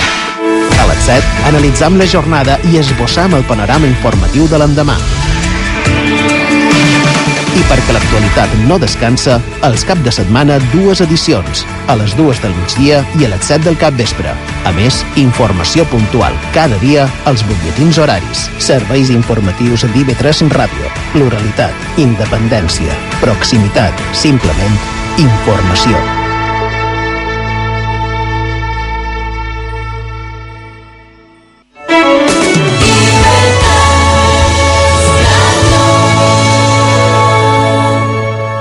Font de Misteris, amb Xema Font.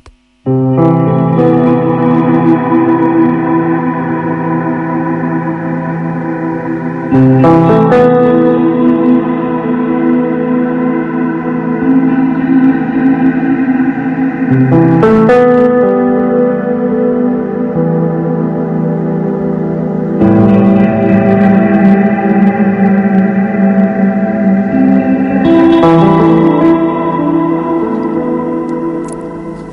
a Font de Misteris, a la sintonia d'IV3 Ràdio, a Mallorca, mos podeu escoltar a 106.8 de la freqüència modulada, i abans hem estat parlant de la dansa macabra, aquesta representació teatral que es fa a, en el poble de Verges, a Girona, i són aquestes representacions teatrals, ara me ven escapsa de la passió d'Esparreguera, també, que val la pena veure-la en, en directe, i eh, enguany, que és el centenari d'en Llorenç Mollà, eh, també tenim mm, que fer eh, ressò damunt de les obres d'en Llorenç Mollà, que també se representen i a, més de manera gratuïta. Ja que parlam de les obres de teatre de la passió eh, a Girona, com no, han de parlar de les d'aquí.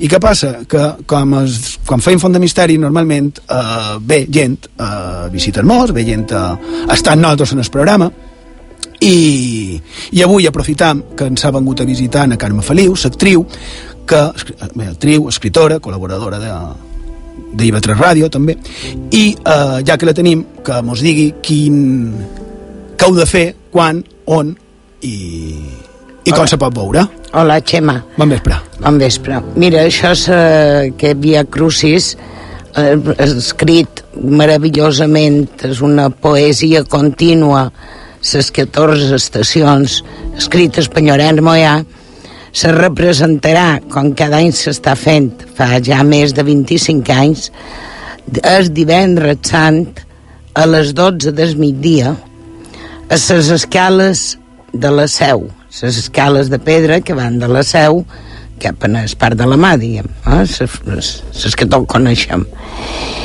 El que, si per mala sort plogués, se representarà en l'església de Sant Felip Neri. Esperem que no sigui així. perquè és un a veure, bon trastorn. En lo poc que ha plogut enguany ja Seria seria mala. mala sort Exacte. que vos plogués, que mos plogués és divendres sant. I això és gratuït, és per tothom, És Co- per tothom. I com se Eh, fa? Un se presenta allà, se per, per presenta les allà, escales? exacte, i a l'esplanada davall de les escales pues, se va reunir gent. És curiós perquè no sé com se diu es boca a boca amb els estrangers, però hi ha una multitud d'estrangers espantosa. Generalment i mallorquins no en parlem, o sigui, ja se sap.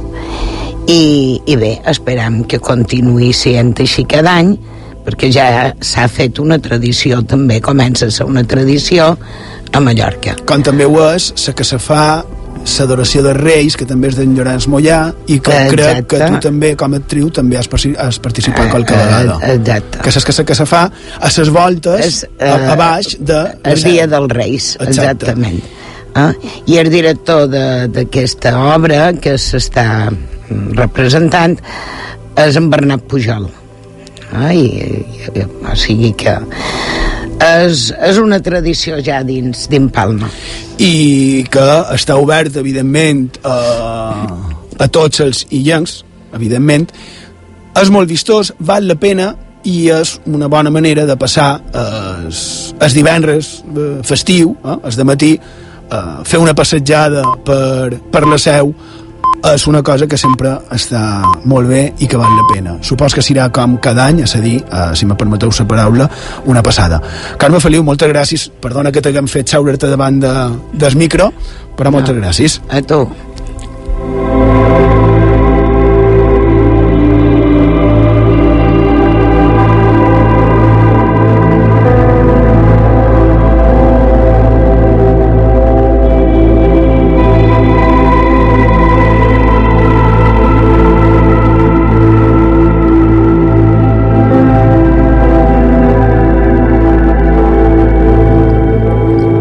I això, evidentment, eh, forma part de lo que nosaltres anomenem món diversos. Eh, aquesta secció eh, on tractant d'espipellar tot allò que succeeix eh, en els nostres voltants, tot allò que mos crida l'atenció i que té a veure en la temàtica del que tractam a Font de Misteris. I començam amb una d'aquestes notícies que ens agraden, que ens permeten seguir trascant, seguir investigant, seguir cercant quina és la suposada eh, vertadera història, no? Perquè ens tornem a fixar en un cas de reescriure la història, no, Sergio? Un nou descobriment. Sí, efectivament, aquesta setmana començam amb descobriments. En primer lloc, ens anem fins a la coneguda com a Cova del Bisbe a Sencelles. Segons van llegir el diumenge passat a Diario de Mallorca, la necrópolis del Camp del Bisbe es más antigua de lo que se creía. Su noticia diu, la intervención de este año se centrará en la parte de la cavidad que fue descubierta el verano pasado. Una vez analizados los resultados, se ha cambiado de teoría sobre el origen y la función primitiva que debió tener aquel lugar. Bé, és el que sempre dèiem, no, Borja? I com eh, veiem també en els llibres d'història com a mesura que van passant els anys se van canviant els segles, no? És curiós com va canviant els segles, sobretot de... Eh, és curiós i, i és curiós també com la història de, de ser humà cada vegada va augmentant, cada vegada som més vells de lo que mos pensàvem. Ah, val, no t'havia entès. Mos hem mirat en Sergio com diguen que diu. Efectivament, com mm, de cada vegada resulta que Somo eh, és més antic, no? Cada vegada que- queda palès que, que hi ha més segles i mil·lennis d'història, però està molt bé poder reescriure-la.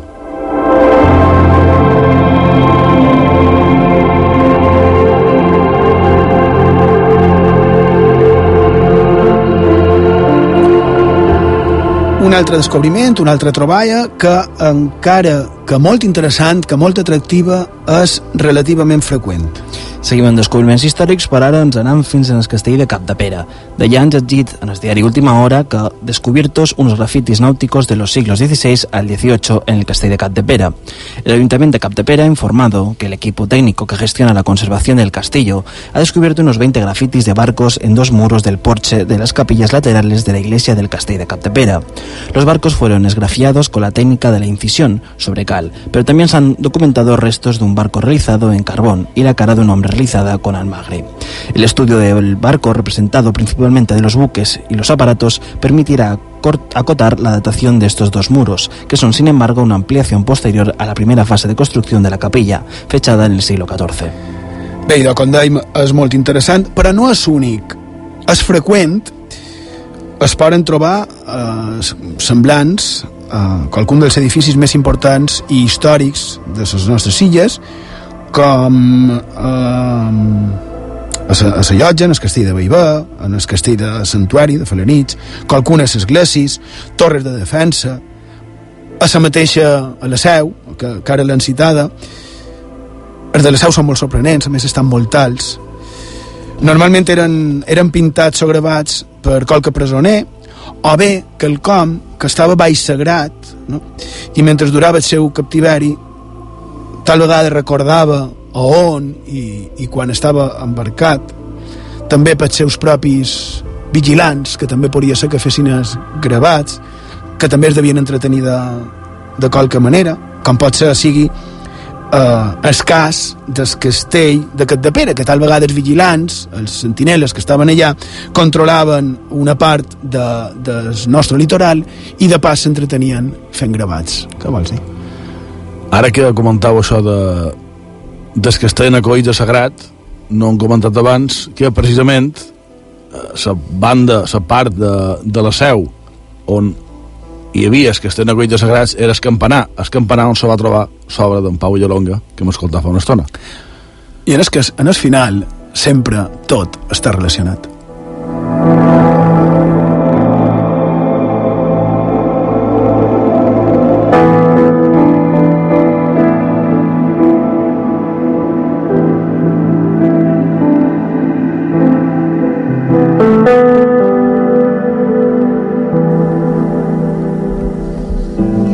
Seguim eh, a dins la mà, en aquest cas, no en vaixell, sinó dins l'aigua, un altre descobriment també esperançador, però en el sentit de que tal vegada no està tot perdut i encara hi ha més troballes per fer, encara hi ha més, més esperança, encara hi ha una miqueta més de vida, no? Sí, ara canviant de descobriment perquè han de xerrar de la mà. A última hora podien llegir aquesta setmana que descubren una nova espècie de pez en algas rojas de las aguas de Baleares. Científicos de Baleares, Croacia y Alemania han descubierto una nueva especie de pez que habita en los fondos de algas rojas en aguas del archipiélago balear, ha indicado este miércoles el Instituto Español de Oceanografía. Este pez es una especie, una nueva especie íctica que ha sido bautizada como Speleobius llorinsi en honor al itiólogo Domingo Lloris. I de... tenim que s'ha trobat una nova espècie de peix dins les nostres aigües. És un peixet petitet, no arriben als 3 centímetres de, de llargari, és de color vermellós i s'amaga molt bé entre les algues, les algues vermelles. Bé, està bé, vol dir que, que encara tenim eh, animalets per, per trobar dins les nostres aigües, no?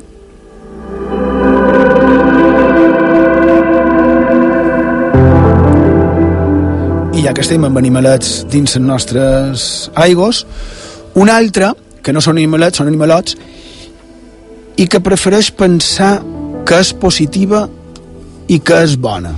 Ho veiem. Així és, no podem deixar davant d'aquesta notícia que també ha llegit al Ara Baleares. Identifiquen 86 catxalots en aigües de les Balears. Científics de l'associació Turciops han identificat mitjançant fotografies 86 catxalots en aigües de les Illes Balears, en un projecte d'investigació que dona a terme des del 2003.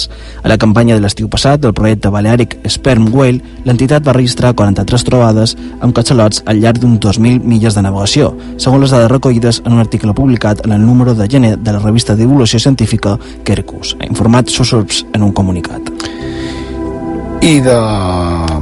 això vol dir que les Balears és important com a indret estratègic per a la població mediterrània al catxalot. I deia lo de positiva perquè no vull pensar que sigui perquè els han tret del seu hàbitat, com tantes vegades han fet aquí a la, a la nostra terra.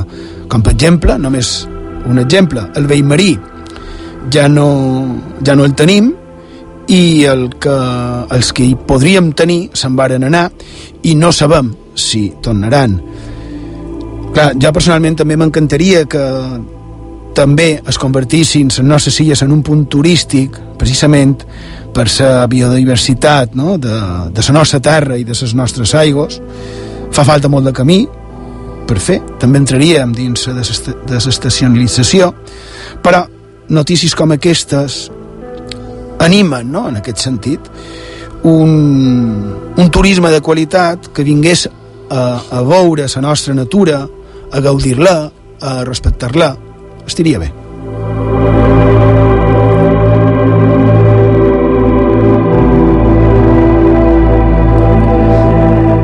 Anem ara amb un tema més misteriós, eh? un clàssic dins el món del misteri. Triangle de ses Bermudes. Notícia de premsa d'aquesta setmana. Que ha estat? Diuen que han solucionat el misteri, no? Sí, ara anem amb la suposada solució a un dels temes clàssics del misteri, com són les desaparicions i els estranys successos en els conegut com a Triangle de les Bermudes. I de com dèiem, i ens ha dit a la información.com, según el medio británico de Daily Mail, un grupo de científicos ha encontrado un conjunto de cráteres gigantes en el fondo marino de Barents. Los agujeros tienen hasta media milla de ancho y 150 pies de profundidad, y se cree que son la causa de acumulaciones de metano. El metano se había escapado de los depósitos de gas que están bajo el mar. Según los científicos, las explosiones por la acumulación de gas metano son las causantes de que aparezcan este tipo de cráteres. Estos agujeros suponen riesgos potenciales para los buques que viajan en el mar de Barents. Aseguran que también podrían explicar la pérdida de barcos y aviones en la zona del Triángulo de las Bermudas. És a dir, que se suposa que serien unes acumulacions de gas metà que quan surt cap a la superfície generen qualque tipus d'anomalia que s'enduria cap a de dins, els vaixells i tal vegada els avions. Bien, val, perfecte. Però què passa amb el triangle del silenci? És a dir, què passa amb el nostre propi triangle misteriós a les nostres illes, que per cert encara crec que no hauríem dedicat cap programa, i què passa amb el triangle de Bridgewater i què passa amb el triangle del Diable en el Japó ells a lo millor tenen metà nosaltres no el tenim en el metà, ho sabríem, dit jo que ho sabríem, si davant de, de solla hi hagués un, uns cràters eh, plens de metà que de tant en tant eclosionen. També s'ha de dir que aquesta no sé. teoria tampoc és nova, és una teoria que ha anat sí. circulant any darrere any i que de tant en tant no se sap ben bé I per què. ja faltava, feia, feia estona que no, sí, que no feia, sortia. Feia, estem en si, eh? Estem sí. en si feia temps que no sortia. Haurem de parlar amb qualque geòleg de la nostra universitat a veure si mos pot explicar o no sa no sé com dir-ho, la bisimilitud, si es pot ser, si no pot ser, no ho sé. En qualsevol cas, evidentment, estirem a sobre i també mirarem a veure si de vora les nostres illes pot haver aquestes, aquests cràters gegant plens de metà.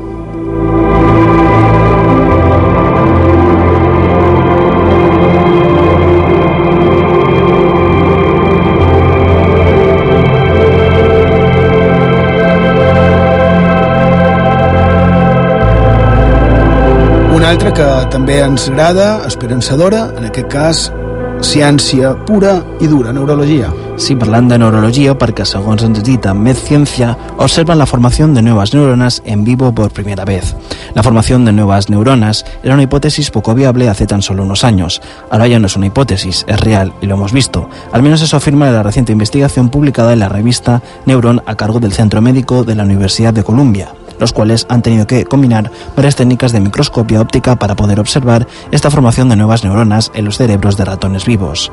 Más de una tercera parte de las neuronas se renuevan de forma periódica. Hasta un tercio de las neuronas se renuevan, así lo afirma una investigación publicada en Cell. I bé, eh, això que tal vegada un pot pensar que no té major transcendència, recordem que fins fa poc se pensava que, que les neurones es morien i que no, no tornaven a venir de ben noves. Jo recordo en el batxillerat quan ens deien que les neurones eren precisament això, finites, i que no es podien regenerar, que quan s'havien en acabar-se s'han acabat, no? Crec que valdrà la pena aprofundir. Tu recordes això en el teu batxillerat, que es deia això, de les neurones? I tot deien sobretot cap de setmanes. és que no volia fer el comentari, però certament. I a més te deien que segons el que prenguessis, se morien no sé quantes. També ho deien, no? Um, tant de bo fos possible que, que aquesta troballa sigui certa i sobretot que pugui servir per solucionar tots aquells casos no, d'Alzheimer, de, demències i, i semblants. Per això deia abans que és, que és esperançadora, no? Ojalà, tant de bo fos així.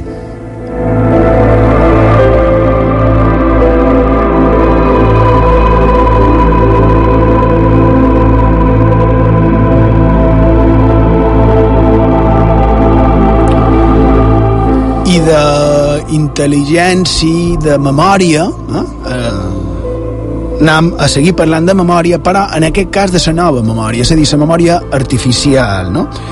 Parlam d'un avanç tecnològic, en aquest cas. Passam a la nanotecnologia, perquè el Mundo dit que almacenan toda la història de la humanitat en un trozo de cuarzo. Un equipo de científicos de la Universidad de Southampton ha creado un medio de almacenamiento capaz de sobrevivir durante miles de millones de años y guardar toda la historia de la humanidad, concretamente todo lo que equipa en 360 terabits, según publican en el portal FIS.org. Se trata de una nanoestructura de cristal de cuarzo creada por el Centro de Investigación Optoelectrónica de la Universidad, en la que han podido grabar y recuperar cinco dimensiones de datos digitales gracias a una técnica de pulsos láser librados de una forma ultra rápida. Bé, no sé mm, ben bé això, però clar, aquí si me permeteu la banalització, no? Mentre s'aguanti 100 anys, no crec que ningú els hi reclami, no? Perquè jo això me recorda com quan deien que el ciment aguantaria 50 anys, o que també és el paper dels llibres, que també tindrien aquest problema, no? que aguantarien 50 anys, que en 50 anys es desferien. Afortunadament no ha estat així, encara que n'hi ha edicions de llibres que realment, sobretot principalment els dels anys 20-30 de, del segle XX, que estan en molt mal estat, no? per la qualitat del paper, una pena. Però en aquest cas, eh, això de poder aguantar com mils de milions d'anys 360 terabytes, no ho sé, em sembla un poquet com exagerat. I a més, sorgiria un altre problema, si me permeteu. Una cosa és tenir... Eh, sí, ja, ja, sé, ja sabeu per on vaig. Com llegeixes aquella informació. Aquell vidre, aquell, aquell quarts. Aquella informació. Uh, sempiterna problema, no? Sempre estem amb això, perquè ara si un vol fer sonar aquell discs de, de pasta, eh, ja no hi ha reproductors que els puguin fer. No estic parlant dels vinils, estic parlant de lo que hi havia abans dels vinils. I després aquells altres que se posaven a les pianoles, me pareix que és de pianola, que eren de paper, aquells rotllos, que eren uns papers allargats, com un tubos, ja no se poden escoltar gaire bé enlloc. És a dir, aquella informació, segons se hagués, eh, s'haurà perduda, no? per molt que tinguem aquell rotllo de paper. Sí, Rafa, fem la darrera petita pausa i tot d'una continuem aquí, a Font de Misteris, a IB3 Ràdio. A IB3 Ràdio, Font de Misteris.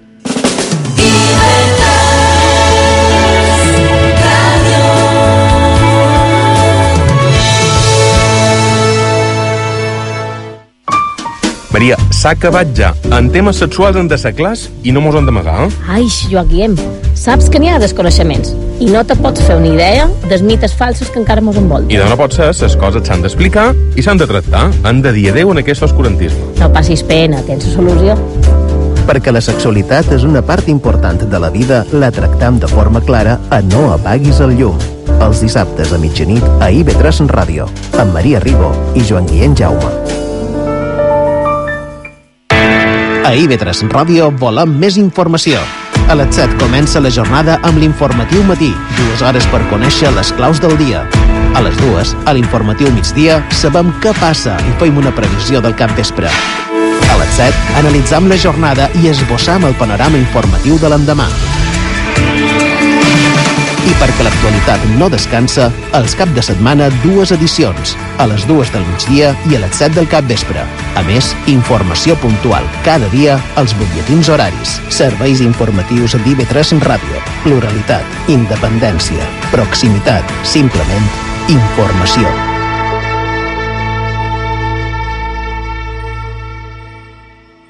IB3 Ràdio, la ràdio autonòmica de les Illes Balears.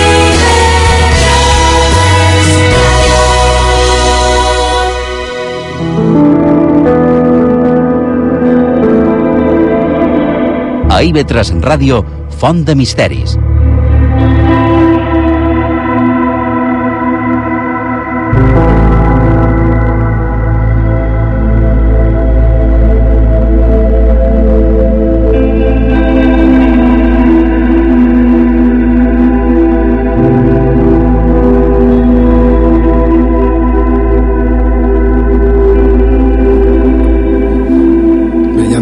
Ja, entrem en els darrers minuts a Font de Misteris, a IB3 Ràdio. A través de la xarxa mos podeu escoltar a ib3tv.com i també els programes que ja tenim emesos a fontdemisteris.com i estem amb els darrers minuts i estem comentant aquestes notícies que mos criden l'atenció, aquestes notícies que, que pensam que tenen cabuda dins els temes que tractam a, a Font de Misteris. I aquí n'hi ha una que, que sona simpàtica, que sona graciosa, que sona d'allò més innocent, però tal vegada no ho sigui tant. Modificació genètica. Si ara anem a el tema de la modificació genètica que aquesta setmana ha tornat a ser notícia. A diaris com Diario de Mallorca han dit que científicos crean un pollo con patas de dinosaurio. Científicos han resucitado rasgos prehistóricos de dinosaurios en un experimento de evolución inversa. Se han manipulado genes de pollos modernos para que nazcan con patas de dinosaurio. Los pollos tienen sus extremidades inferiores un hueso largo, que comúnmente se asigna al muslo, pero que sin embargo se trataría del equivalente al peroneo humano. Por cuestiones de evolución, este hueso acabó acortando su tamaño y sin, y sin unir al tobillo, al contrario que las patas de los dinosaurios antepasados de las aves que sí que tenían el peroné soldado al tobillo. I de molt bé, però fins a on estaran disposats a arribar-hi? Recordeu com acabaven les pel·lícules? Quines pel·lícules? Jurassic Park. Ah, bé, sí, clar, efectivament. I això. Sí. Fi, i, I fins a on podrem veure alteracions genètiques? A on i quan entrarà eh, el que seria cètica? Perquè, clar, eh, de moment és innocent, és un... És innocent, vist així, en el pollastre no sé quina gràcia li haurà fet tenir potes de dinosauri, però en principi no sembla que sigui res més, no? Per això vol dir que se pot arribar molt lluny. Pens que és un tema també per, per debatre.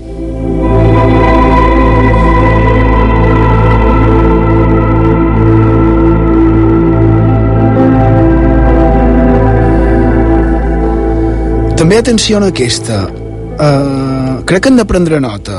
Sembla que no, però una simulació d'una desgràcia a gran escala. Sí, ara xerram efectivament d'una simulació per intentar evitar una desgràcia. A 20 minutos han llegit que París se prepara para su próxima gran inundación del siglo. En 1910 las aguas del Sena se elevaron por encima de los 8,6 metros, cuatro veces su nivel habitual, y obligaron a los parisinos a desplazarse en barca o a cruzar las calles sobre plataformas improvisadas. En 2016, ante la posibilidad de que una crecida similar inunde las calles, la alcaldía de París ha realizado un simulacro virtual de una eventual inundación del siglo que podría afectar de forma directa a 300.000 personas y provocar daños de hasta 30.000 millones de euros. No es ciencia ficción. El riesgo de que pase es real. Es uno de los principales restos y de los más preocupantes para la ciudad y la región.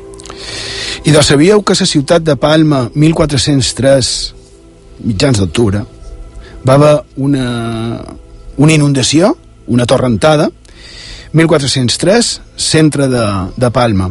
Quant de morts, calculeu, i de les xifres, pensam que la ciutat estava mm, deshabitada, no?, en comparació amb ara. Era de murades cap a dintre, i de ves 5.500 morts. L'aigua va entrar per de ves la porta de Jesús, per la Rambla, d'aquí el nom de la Rambla, carrer Unió, després, després cap a Esbon i cap a la mà. Més de 5.000 morts. No hi havia ni espai ni temps per enterrar-los. Tota l'abadia, diuen les cròniques, que eren plenes de, de cossos que se, que s'uraven dels fets, no? Sis anys, 600 anys després, aquí varen tenir un cap de fibló fa uns anys i va ser gros, no? Així que tal vegada convendria també fer simulacres. No ho sé, però haurien de prendre nota. A IB3 Ràdio, Font de Misteris.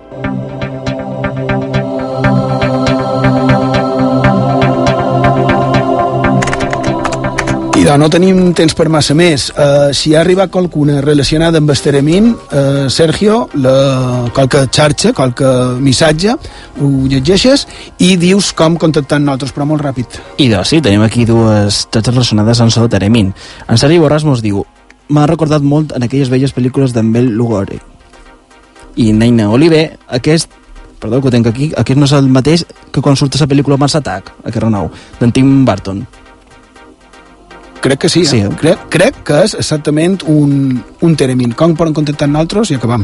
I ja sabeu, ens podeu trobar a Facebook i Twitter cercant Font de Misteris. Allà ens podeu enviar els vostres missatges en premsa etiqueta Font de Misteris. També ens podeu enviar tot allò que vulgueu en el WhatsApp del programa 659 16 69 52 i també podeu ser servir el correu electrònic fontdemisteris arroba iveterradio.com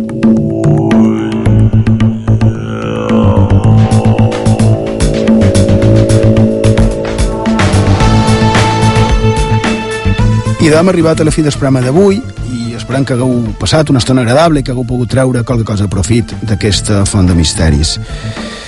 Sembla que està molt curiosa la història d'aquest instrument musical, no?, del que hem parlat avui, del teremin, l'heteròfon, un instrument que va inventar un nin, un somni fet realitat, en aquest cas per un rus fa més de 100 anys. I com que hem posat com a mostra de sus d'aquest instrument una cançó interpretada dels anys 50 mitjans un teremin, per associació m'he quedat en la cançó, amb el seu missatge, i la pel·lícula on va sonar. Perquè a vegades hem d'anar alerta amb allò que somiam, no? A vegades desitjam en totes les nostres forces aconseguir segons què, i el problema ens pot venir quan ho aconseguim, quan el somni es fa realitat i, i pegues de plan la realitat i a vegades, el cas encara pitjor, te quedes sense altres somnis perquè ja has acomplit els teus, no? És allò de, i ara què? Quant de casos de gent que ha arribat a allò que anhelava i un pic allà dalt es sent un buit, una tristor. Per això avui a les utopies de la mitjanit del dissabte i Betres Ràdio volem convidar-vos a seguir somiant, clar que sí, però també a gaudir del que tenim, del dia a dia, d'allò que ens depara la sort, no? que la majoria la tenim, i a no estar tot el dia desitjant allò que no tenim, i més sense valorar el que ens rodeja. Més que res perquè si ho aconseguim potser ens converteixi en un desgraciats. Me ve tot això en el cap per la cançó Somewhere Over the Rainbow de la pel·lícula de Wizard of Oz. A qualque lloc, damunt l'arc de Sant Martí, el cel és blau i els somnis que gossaves somiar es fan realitat. I a vegades aquest és el problema. Recordeu aquella senyora, na, na Susan Boyle, que es va fer tan famós arrel d'un programa tipus talents televisius, que ara també estan de moda, i d'ara és milionària. I sembla que no sap què ha de fer amb el seu temps ni amb el seu doblers. De fet, fa poc diuen que es va presentar a una oferta de treball just a la mateixa feina que li varen negar abans de ser rica i famosa, i que li varen, a més, tornar a negar a 7 euros s'hora fent de caixera, i va tornar per si li donaven la feina. Quan, quan va anar en aquell programa de televisió ella era a l'atur i aquesta vegada, que en teoria no li fa falta la feina, però tampoc li van donar. I potser ara és quan més falta li feia. I no per tema econòmic. Sí que crec que és digne de reflexió. Ara té sous, et suposa que fa el que més desitjava, havia somiat arribar més alt, ara hi és, i el seu somni s'ha convertit en un mal son. Està dalt de tot, però encara així hi ha qui diu que està tota sola i desubicada. Crec que està bé somiar, lluitar, però aprofitem el que tenim. Crec que és molt i que si mirem en els nostres voltants, la majoria tenim, tenim molta sort, no? Qui no es consola és perquè no vol, i en general som afortunats, no ho creus? Estaria bé que sabéssim aprofitar el que tenim. Susan Boyle, Somewhere Over the Rainbow, a qualque indret damunt de Sarc, de Sant Martí. Allí Pau, bona nit, gràcies per la vostra companyia i fins la setmana que ve. of high